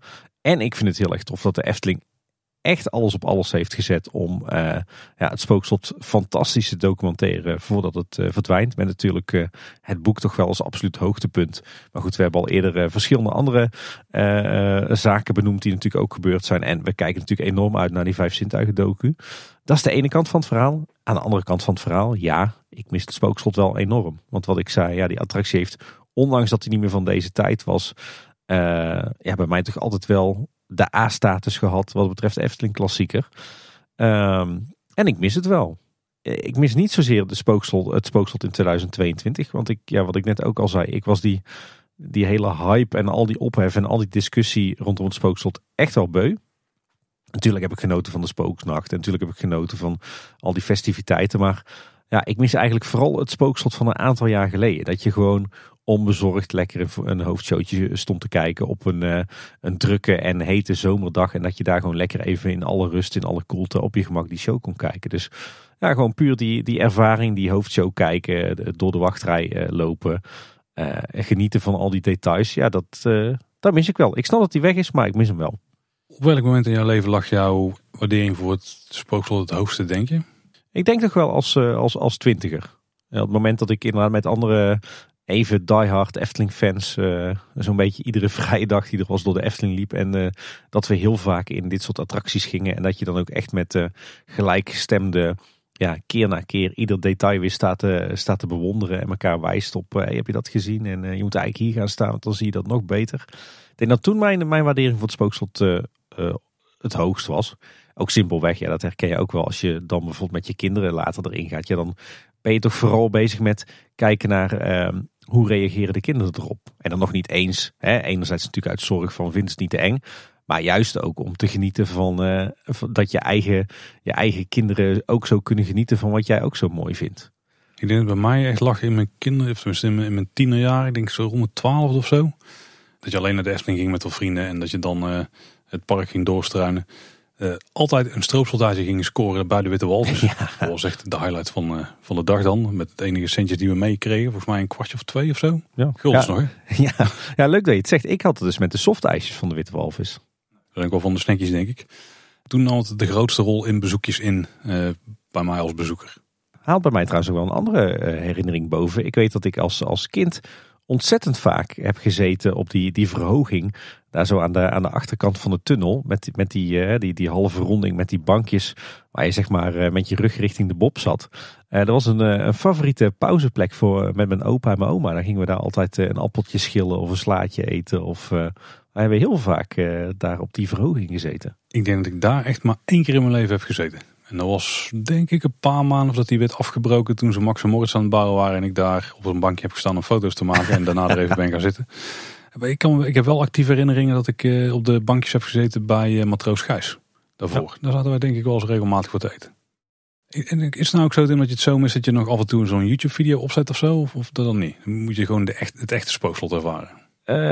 Dat doe ik weinig. Ik doe het wel eens hoor. Maar ik, dat klinkt misschien heel stom. ja, overvalt me een beetje met die vraag. Dus ik moet even nadenken hoe ik dat onder woorden breng. Maar ja, voor mij heeft puur zo'n video doet het niet echt voor mij. Het is toch vooral die, ja, met een lelijk woord, die multisintuigelijke ervaring van hè, nog terugdenken aan hoe zag het eruit, hoe was de muziek, maar ook de, alle mechanische geluidjes, maar ook de geuren, maar ook het gevoel. Ja, dat, dat, probeer ik vooral vast te houden. En als we met z'n allen een flinke subwoofer kopen voor jou voor onder de bank, zou dat helpen? Nou, als je daar ook nog even jouw zweetlucht deelt, dan, uh, dan geeft het wel die, uh, die hoofdshow ervaring in de zomer. In de zomer zal het geen issue zijn. ja, uh, Kortom, we missen het spookslot, maar we snappen wel dat het weg moest en we kijken uit naar de opvolger. Ja, en die opvolger aan zich lijkt al een ode te gaan worden aan het spookslot. Dus uh, we gaan nog heel veel details terugzien. En ik denk dat wij daar als oude opaatjes Tim, met onze kleinkinderen die we dan ook wekelijks mee naar de Efteling nemen. dat kan bijna niet anders, kan ik je nou al was verklappen. Ja. Mocht, mochten we gezegend zijn om ze te krijgen, dat ook nog daarbij natuurlijk. Dat we dan uh, alle details gaan aanwijzen en dans macabre die vroeger in het spookslot zaten. Ik moet zeggen dat deze aflevering toch ook wel een beetje voelt als opa vertelt. ja, ja, ja, ja, ja, dan niet eens opa Gijs die uh, wel prima had gepast bij uh, Spookslot, maar toch aan de andere kant van het park stond. Ja, en daarover gesproken. Het lijkt erop dat we hier ook een Gijs gaan krijgen. Tim, dat is weer voor een andere aflevering. Als je er alles over wil weten. Misschien heb je het al gehoord inmiddels in een nieuwsaflevering. Maar officieel is het nog niet bevestigd. We hebben het alleen in een kleine snippet in een magische klokvideo gezien. Uh, dan hoor je dat in onze nieuwsaflevering natuurlijk. Ja, precies. Tim, voor nu was dit alles wat we over het spookslot te melden hadden. Ja, ja, ongeveer wel. Maar ik kan me wel voorstellen dat dit typisch zo'n aflevering is dat als we er morgen aan terugdenken, dat ik dan denk, oh, ik had dit nog willen zeggen en ik had dat nog willen zeggen. Maar uh, ik zag er best wel tegen op tegen de opname van deze aflevering. Ik denk, hoe kunnen we nou een goede persoonlijke ode brengen aan het spookslot? Maar uh, dat is toch best aardig gelukt. Als ik naar de tijdteller kijk, dan is dat best aardig gelukt. Ja. En ik denk dat we in 2024 uh, het woord spookslot nog wel regelmatig gaan laten vallen ik denk inderdaad als Dans Macabre eh, eenmaal klaar is, dat het ook wel een sport wordt onder de liefhebbers om uh, alle verwijzingen naar uh, het goede oude spookslot terug te zien.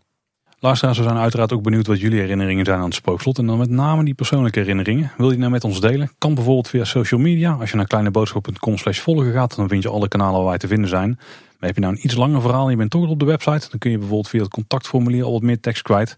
Of je gaat gewoon een ouderwets mailtje sturen. Dat doe je naar info.kleineboodschap.com. Ja, en eh, de podcast Kleine Boodschap luister je natuurlijk in je favoriete podcast app. Maar ook op eh, Spotify of op onze website. En dat is dus eh, kleineboodschap.com. Daar vind je trouwens ook alle show notes. Dus de relevante linkjes bij de afleveringen. luister je ons nou in een podcast app. Zorg dan dat je je abonneert. En kun je een rating of review achterlaten. Bijvoorbeeld in Spotify of Apple Podcast. Dan kunnen we dat altijd ook zeer waarderen. Je kunt het ook altijd erg waarderen als je andere mensen nou stipt over onze afleveringen. Dat was in ieder geval weer voor deze aflevering. Bedankt voor het luisteren. Tot de volgende keer. En houdoe. Houdoe waar.